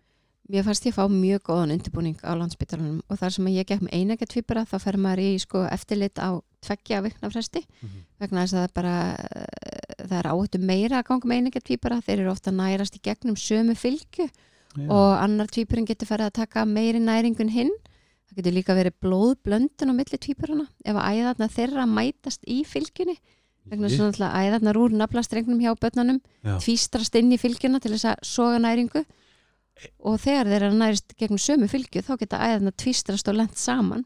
Og það þýðir að blóði getur farið að renna úr öðru barninu yfir í hinn og þessi þarf að fylgjast með.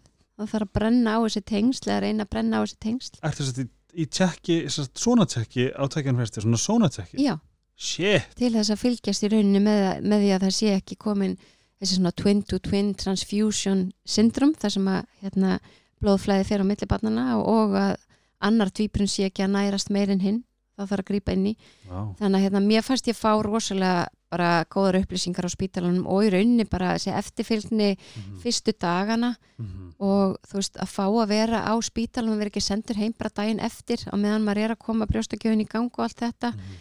mér fannst það alveg bara til fyrirmyndar Þannig Nú spyr ég gett fárlega spurninga. Mhm.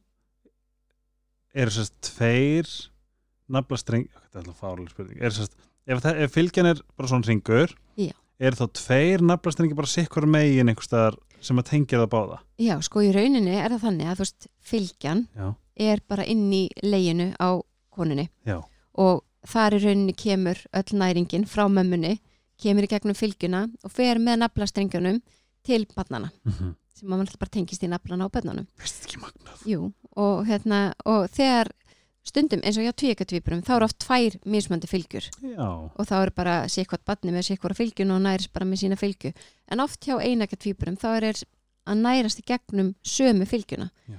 og þá getur til dæmis bara skipt máli hvar naflastrengurinn úr badninu festist í fylgjuna. Ef já. annað badni festist bara upp í hægra hotnið á fylgjunni þá fær hann kannski miklu minni næringu. Ef að hitt badni fer alveg í miðja fylgjuna þar sem að allt gúrmið er skilur Já. Þannig að hérna, það getur verið alls konar svona þættir sem að þarf að fylgjast með á meðgöngin ég gæti spurt þig svona 7000 spurningar núna. Má ég hendi samt leiðilegustu spurningar sem, að, sem að þið týpurum um mér eru harassaðar með? Hvað er það? uh, þekkir það alltaf á milli? Já, það er ótrúlega magnað. Mér finnst þeir náttúrulega ekkert svo líkir sko. þó að fólki finnist það. Þeir hafa alveg sikkvara röddina. Er það? Já, ég, bara frá þeir voru Agnar Smáir og, og grétu að þá gáttu við alltaf þekkt á í sundur, já, Stormur er að gráta hann er svongur, þú veist. Að hérna, og það er auðvitað að tala líka um eins og þetta svona móður eðli og það að lesi börni sín eins og bara gráturinn er mismandi eftir hvað hrjáir þau. Og kannski mæður áttar sér ekkert endilega á að þær sé að hlusta á mismandi baskrát Ah, en, en þetta kannski undir meðutindinni tekur upp hann upp og þú veist hann er svangur eða þú veist hann er með eitthvað í maganum eða hann er búin að kúka og það fer eftir hvernig hann grætur. Hvort að byrja á ný eða na þú veist, þú byrjar að lesa í þetta. Og það er oft tala um að þú veist, konur séu til dæmis góðir stjórnendur vegna þess að þær hafa þetta innsægi að geta lesið í aðstæður þetta sé Bestu. eitthvað svona lífeðlis fræðilegt 100% þannig að hérna, það er ótrúlega gaman að- að rýna í þetta að hérna, hvernig maður Ég myndi persónulega vilja að konu myndi stjórna bara öllu. Nei, það verður nú ekkert ég að bretti því en, hérna, en ég held að þetta sé gott í bland og hérna að, að já, að það séu bara alls konar við emmi stjórnvölin. Um, Það sem ég ætla að spyrja þig tengist Það farið? það væri Hvað, hvað er upp á slitriðin? erfið spurning. Ég er rosa mikið í, í svolítið svona, svolítið svona já, ég veit ekki, svolítið svona gulgræn en það er kannski út af en það er kannski út af því að ég klæði tvíburana svolítið í guld og grænt. Er það? já, En segðu mér bara svona sem bara, þú veist, sem mamma uh, og sérstaklega með tvíburuna, hvernig hvernig náðu, náðu þið hjónin, hendur haukur, mm mhm, uh, hvernig náðu þið, hvað, þið þurftu væntalega þetta hlýtur að hafa verið sko algjört test á hjónabandið, en líka kannski bara svona samskipti, verkaskiptingu, hvernig svona, hvernig náðu þið, þú veist, ég get alveg ímyndið mér að þú hafi verið með eitthvað svona plan, en hvernig var þetta svona þegar að holmunum var komið, hvernig náðu það að navigata og svo hinn tvö, hvað var þetta? auðvitað ótrúlega krefjandi. Mm. það er bara hérna vissulega krefjandi að fá tvö börn í heiminn og eiga tvö fyrir. Um, það sem að hjálpa okkur ótrúlega mikið við hittum fullt af tvíbrafóreldra Já, emmi, og fengum ótrúlega góð ráð. Gæðvegt. bara hvernig gerðu þið þetta, hvað hefðu þið gert öðru sig, veist, er eitthvað sem þið mæli með að við gerum alls ekki og, og allt þetta. Og hérna og svo bara ákveðu við fyrirfram hvernig við ætlum að gera þetta. Mhm, ok, hvernig ætlum við að hafa nætunar ykkur. Hvernig ætlum við að gera þetta með brjóstakjöfina? Mhm. veist, við vorum búin að tala okkur í gegnum svona aðstæðunar áður en þeir komu. Og við, sem sagt, kannski finnst sumum við vera alveg klikk en veist, við ákveðum til dæmis bara að gera strax rosa mikið greina mun á svefnherbygginu Mhm. og öðrum hlutum húsins þannig að tvíburðinu fóru aldrei inn í svefnherbygginu ef að veri nótt. Ah, þannig að þeir bara tengdu það rými við bara nú komið nótt, hér fer ég að sofa, hér er lámast þjónusta Já, og við reyndum eins og kátum að bara hafa algjörlega lágmarks þjónustu á nætuna að við erum ekki að taka upp í og allt þetta auðvitað þegar börnin eru lítil og þarna fyrstu mánuðina þá náttúrulega þurfa er bara að drekka á nóttinni og þá fengu þið það en annað var bara algjörlega í lágmarki Mhm. og kenna þeim eins fljótt og maður getur að sækja snuttuna sína sjálfur taka Nei. í handlíkin að þeim og, og vísa handlíkin á snuttuna þannig að þeir læri að fálma eftir snuðinu þegar þeir missa hann á nóttinni kenna þeim að vera sjálfbarga í þessu rými. Vá, og hérna og já þannig að þeir svona gerðu greina mjög því þegar þeir voru að taka lúra niður í stofu. Þar var bara kliður og tónlist og annað.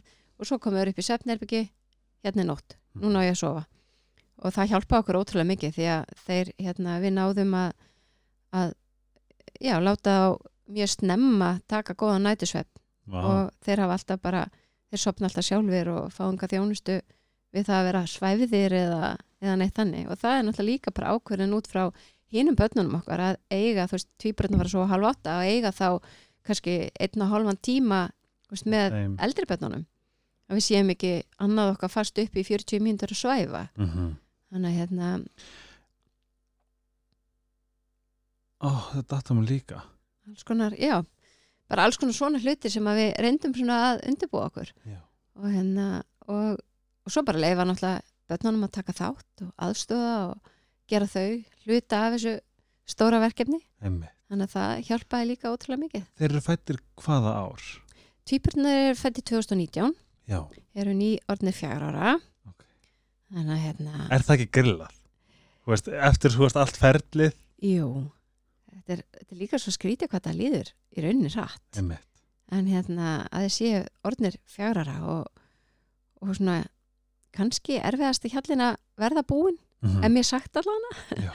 þannig hérna það er ótrúlega, ótrúlega magnað og bara líka bara gaman að sjá hvað hérna, eldri börnin hafa verið dugleg og, og svona, þú veist, tekið mikið þátt í þessu og hvað þau einhvern veginn bera sterkar tilfinningar þeirra það er, þú veist, þetta er væmið að segja en það er veist, svo fallegt að sjá sískin ást þó að þau geti líka öll rifist og allir já. brjálaðar og öllum og þú veist, allt það en þá er það eitthvað svo krútlegt dáslegt sko, vinkonum mín á stelpu og hún, hún er alltaf að sína sko bara, þú veist, að hún er að pakka þú veist, þau eru að fara til útlanda hún er að pakka hún er, þú veist, og mér er svo, mér er svo ógeðslega gaman að sjá hvað stelpan tekur mikið þátt í lífinu mm. hún vinnur og þá, þú veist, það er að panta pöntunum og, og litla stelpan elskar að pakka pöntunum, Já, þú veist. Einmitt. En það sem ég ætla að spyrja, það kom til hérna aftur Já, er ekki rétt um mér að pappar hann fari, hann þeir fá jafn langt um, uh, fæðingarólof fæðingarólof Sko í rauninni er það þannig þá eignast tvíbura þá farið þið þrjá mánuði aukalega miða við einbura sem að þú ræður hvernig þú skiptir. Ok. en ef að ég á að fara út í ykkur pólitík hérna að þá Förum í náttúrulega að þá náttúrulega í rauninni þegar þú ert með tvö börn á brjósti Mhm, og fyrstu mánuðina þá er ekkert annað í bóði en að báðir fóreldrar séu heima einmitt sem að því er það að fyrstu þrjí mánuðinir það verða bara báðir fóreldrar að vera í orlofi Mhm. þannig að maður finnur í rauninni ekkert fyrir því að fá eitthvað þrjá auka mánuði þannig lagað Mhm. um, og svo eru þetta bara ótrúlega krefjandi með tvö börn að fá leikskólapláss Já. eða dagmömmupláss ég meina dagfóreldri má vera með fimm börn og maður er að byggja um tvö pláss af Já. fimm og við sem betur fyrir vorum það heppin að við fengum uh, dagfóreldri í hverfin okkar um, sem var með fimm börn og hún var þá með þá tvo og svo þrjú annu börn. En þetta er líka bara óksla dýrt. Það er óksla dýrt að vera með tvö börn hjá dagfóreldri er, er einhver styrkur, tvíburastyrkur eða tvíbura, er, er eitthvað sem bakkar ykkur upp, þú veist? Það er í rauninni sískina afsláttur já, hjá dagfóreldri en ég menna það þýðir samt að þú veist fóreldri er að greiða 150.000 kannski á mánuði fyrir dagvistun sem að fer síðan niður þá í þú veist 45.000 þegar fara leikskólapláss. Og það er engin forgangur inn á leikskóla með tvíbura en sýnir bara hvað það skiptir ótrúlega miklu máli að bara dagvistunar úrraðin Mhm. séu í lægi vegna þess að þetta er líka ótrúlega mikið álag. Mér fannst þetta rosalegt álag að þurfa vera ekki komið með leikskólapláss og vera að byrja að vinna og vera að púslisu og fá hjálp frá tengdafóruldrum og pappa mínum og þurfa einhvern veginn að vera í þessum leik alla daga að púsla deginu. Mhm. Það er bara streitu valdur í því. ég er einhvern veginn það mér, ég, ég elska að fá nýjar upplýsingar nú, nú er ég farin, nú er hausin farin að flug þess að nú get ég ekki veist allt um næsta týpura og meðgöngu brjóstakjöf og bara ég veit ekki hvað. sko hvað. ég veit hver, held ég bara hvert einasta dítil af öllum fæðingum sem mömmu, ef ég og mamma sitjum þá, þá er ég að forrættast um þetta sko. Ég hef einu sinni mynda, mér langar næst ég að vera fæðingaljósundari sko, Já. að því ég bara, ég hef aldrei ég hef einu sinni gert það, bara, ég hef aldrei upplega næs Já, þetta er, þetta er ótrúlega valdeflandi eins og Mhm. Alexandra sagði í fyrsta þætti að fæða bann og, hérna, og það eru auðvitað ekkert sjálfsagt, maður minnir sér alveg líka á það, það er ekkert sjálfsagt að eignast börn og það er ekki Nei. sjálfsagt að geta fætt þau og, og hérna, fá heilbrið börn í heiminn, það Nei. eru bara alveg, maður er ótrúlega þakkláttur fyrir það. Og, hérna, og svo er svo skemmtilegt eins og í næsta þætti af tvíburum, þá ætlum við að rýna í svona mismunandi tengst tvíbura. Það getur líka verið erfitt að vera já, að vera með eitthvað sem er alltaf borin sama við þig, að Mhm. þurfa einhvern veginn að deila alltaf rými með þessum einstaklingi, að sé alltaf tala um ykkur og þið eru svo sterkar saman og einmitt. þetta er alls konar áskoranir, þetta er ekki bara og kannski og líka svona ef, að- ef að ein stendur aðeins betur skóla, hvernig líður þá heið, þú veist, er þetta eitthvað svona, einmitt, tókst við þetta já, það getur alveg finnast manni vera svona, ekki verri, heldur svona síðri típurinn eða eitthvað Já, svona alls já. konar það er alls konar, alls konar áskoranir og líka bara held ég fyrir fólk ótrúlega áhugavert að heyra þetta. Mhm. og þú veist, það er ekki margi bara staðið að segja því einmitt að þú veist, þið eru alveg eins og hérna, eitthvað svona sem að kannski fer í töðunar og sumum tvipurum en sumum finnst það bara allt í lagi. En þetta er líka svo, sko frásagnir sem maður verður að heyra. Já, veist, það er búið, mér er búið að þykja væntum þú veist, nú voru tvær vinkunum sem er- eru par. Þú veist, spurningar sem að, spurningar sem þær sátu undir með fyrsta barni skilur, mm Mhm. það eru spurningar sem eru kannski bara, þú veist sem stuðamann eða mann líður ekkert vel með að hafa svara eða allt Mhm. svona, saman bara núna sem við veitum með konur sem, þú veist, maður er ekkert að spyrja og hvað, allar ekkert að frægna spann Mhm. það er ekki megin, eitthvað svona, þú veist maður algjörlega. á ekki að spyrja svona, Nei, og það er ótrúlega mikilvægt að fá þessa frásagnir frá öllum, allir, allir flórunni Já, sammála því og bara frábært að fólk vilji deila þessari Já, reynslu og maður er auðvitað ótrúlega þakklátur öllum þessum viðmælendum sem að gera það og bara opna sig og, og segja sögur sem hafa ekki áður verið sagðar og, og ég eins líka fæ rosa mikið aðsendu efni í þættina, ok. svona heimilismyndböndum. Já, og það er náttúrulega líka bara gegja, það er náttúrulega gefur alveg rosalega víða sín inn í bara líf tvíburafóreldra sem er mjög skemmtlegt. Að því þú sagðir segja sögur og starfið sem þú ert í.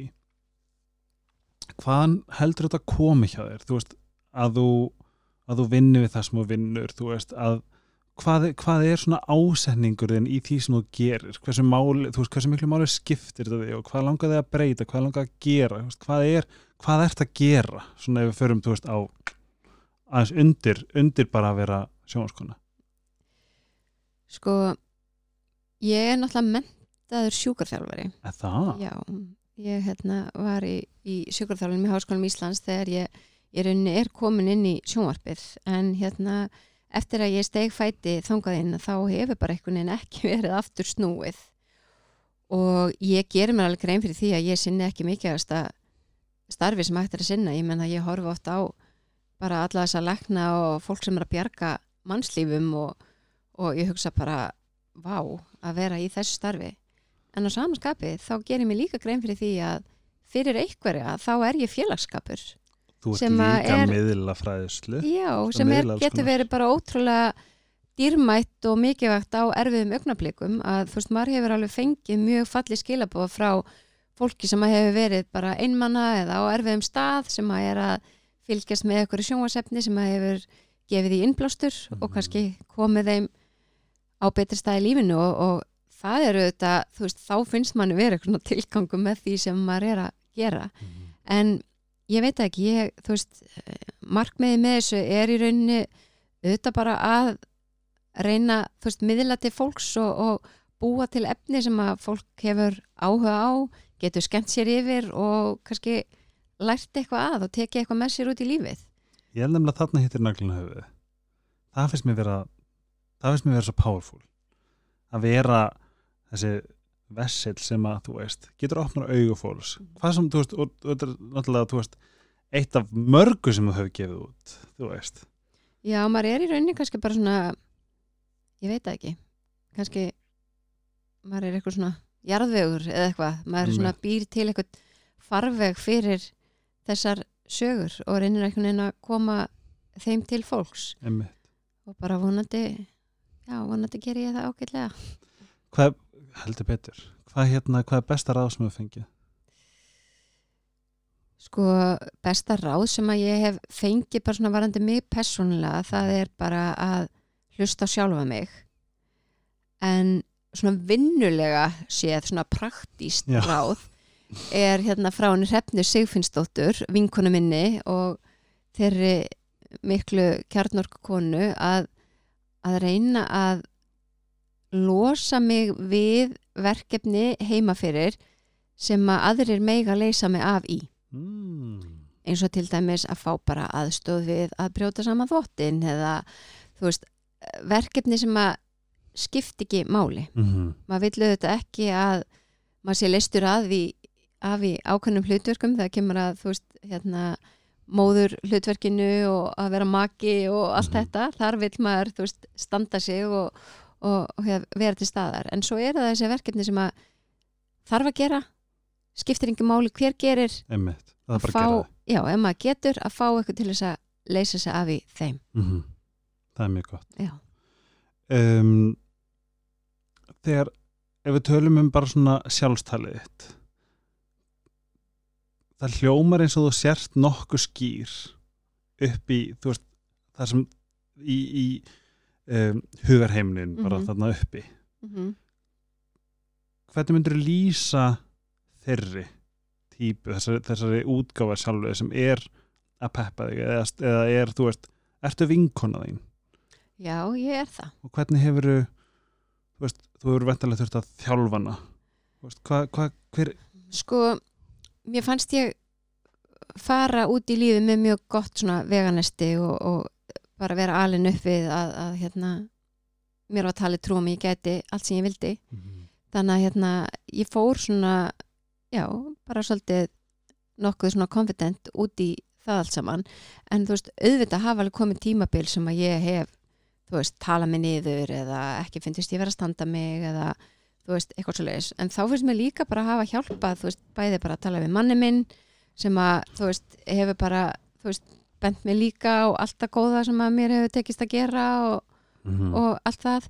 Og líka bara vinkunni mínar sem eru algjörir pepparar. Mhm. um, og ég reynir líka bara núna ef að mér, þú veist, líður eitthvað illa eða ef ég er eitthvað dán að bara adressa það strax við sjálfa mig. Að svona, ákvöru líður mér svona þú veist, hvað er það sem að er að valda því að ég er ekki nógu vel upplögð og taka það okkur ákvörðinni til þess að svona breyta því Mhm.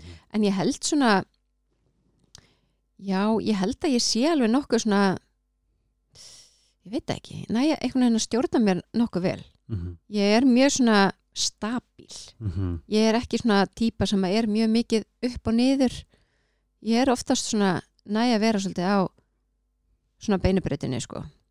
Það skulle þakka fyrir að vera ekki týpuri Ertu það alveg bara upp og niður upp og Oh niður? my God. Já, einmitt, nokkulega En þú veist, geggja hæ Já, ágætis skituló sko. já, já. Ég er sko lífið mitt snýst um að að ná balans að ná balansnum, ég veit það. Jú, það er þessi gullni meðalvegur sem að er svo mikilvægur. Já. og þá þá er maður líka held ég að reyna átti sig á því þú veist, hvað færi þið til þess að vera á honum? Mhm. umkringduðu með fólki sem að heldur þið þar ekki eigða orkunni í þú veist hitt sem að teku þið niður og allt þetta Mhm. uh, svefnin, vist svefnin skipta ótrúlega miklu máli Gjörsamlega. ég legg bara rosalega mikið upp úr því að reyna að sofa vel ég bara, og maður minn bara stúderar sko svefnfræði bara, þú veist hvernig maður sefur og, og, og hérna, hvað getum við gert til þess að sofa sem best Mhm. Og bara hugsa um sjálfa sig og, og reyfa sig sem skiptir líka ótrúlega miklu máli. Og þá er ég ekkert að tala um að þú þurfur að vera, þú veist, fjóru sinni viku endilega í crossfit.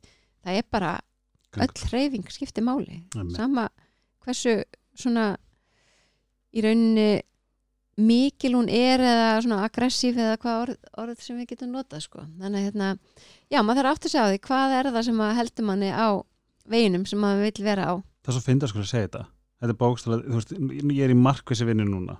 Það, þú veist, ég bara ég veginn, ef ég næ ekki balans veist, ég, ég get verið í balans, mm -hmm, en ef ég missa hann já, þá, þá bara einmitt fer ég í þennan öldugang mm og nú er ég bara freka vel hérna kæróaður, Mhm. unnustæður einmitt.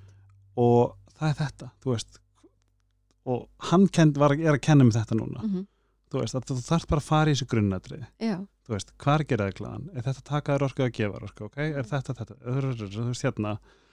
En aðeins í lokin það hljómar eins og þú og haugur séu mjö, mjög mikinn samhljóm ykkar á milli, sérstaklega þú talar um að þú getur alltaf tala við hann, þú getur væntalega að dæsa við hann ef það er eitthvað sem er að ángra þig þetta, þetta.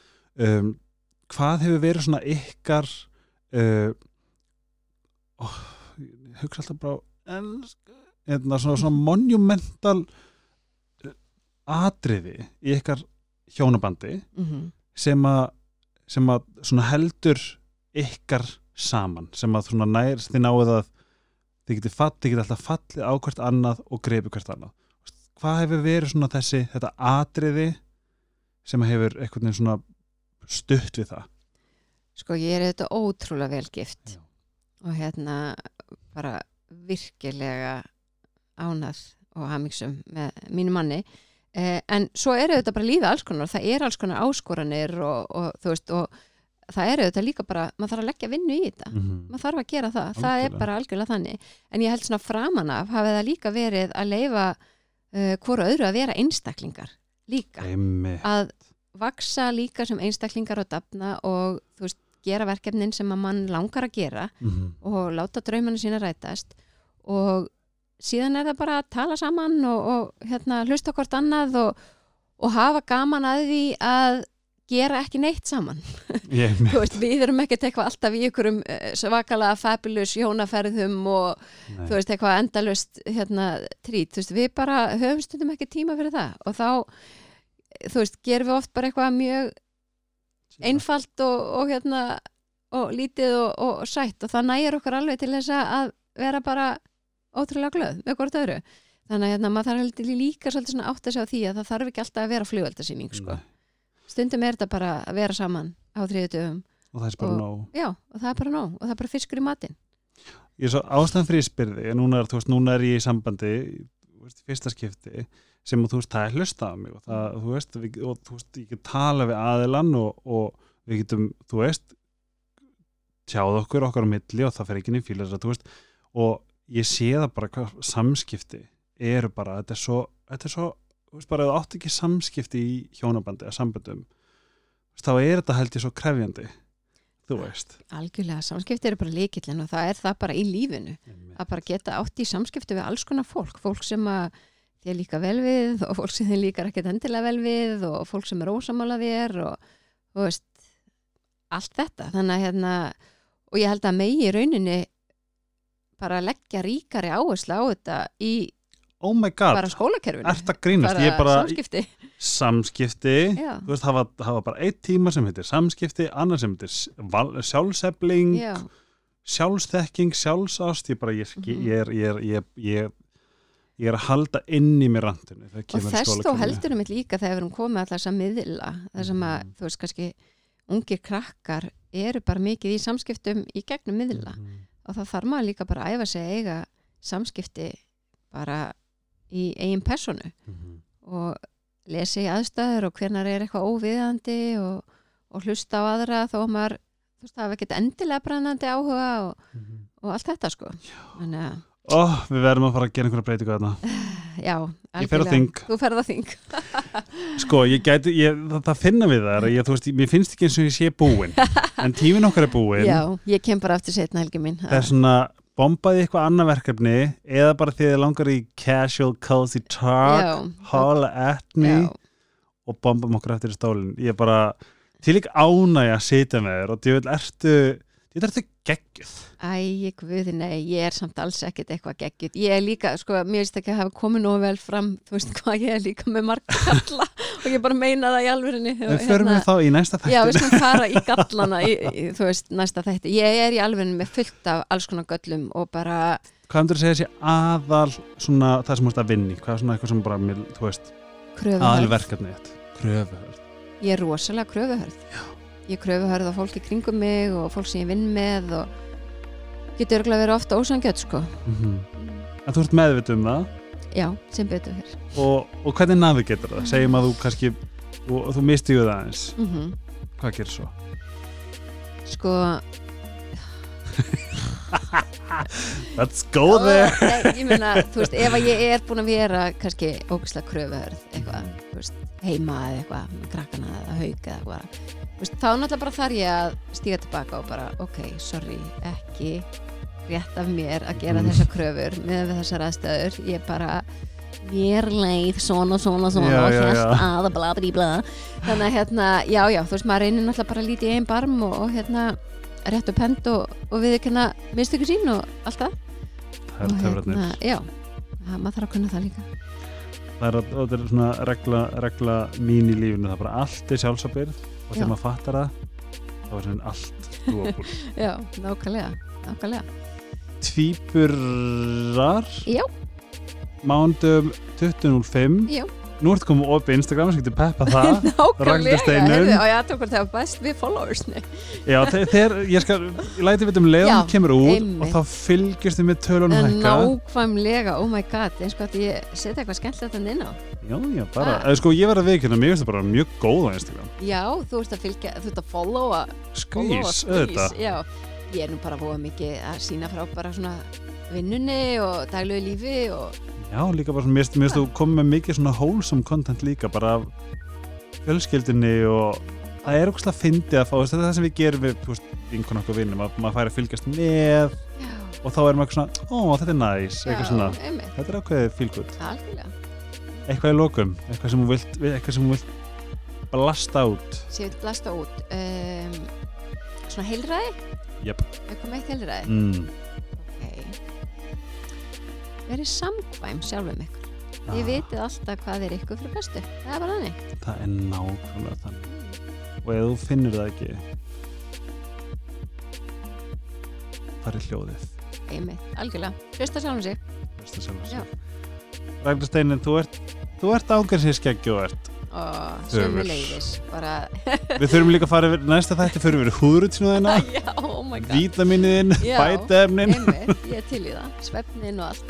Ha, Takk fyrir mig, Eða takk fyrir Ragnar mig. Steinin Takk, og bara eins og segi, it's my pleasure and honor. Tvíburar á rúf, horfið, njótið og þangað til næst.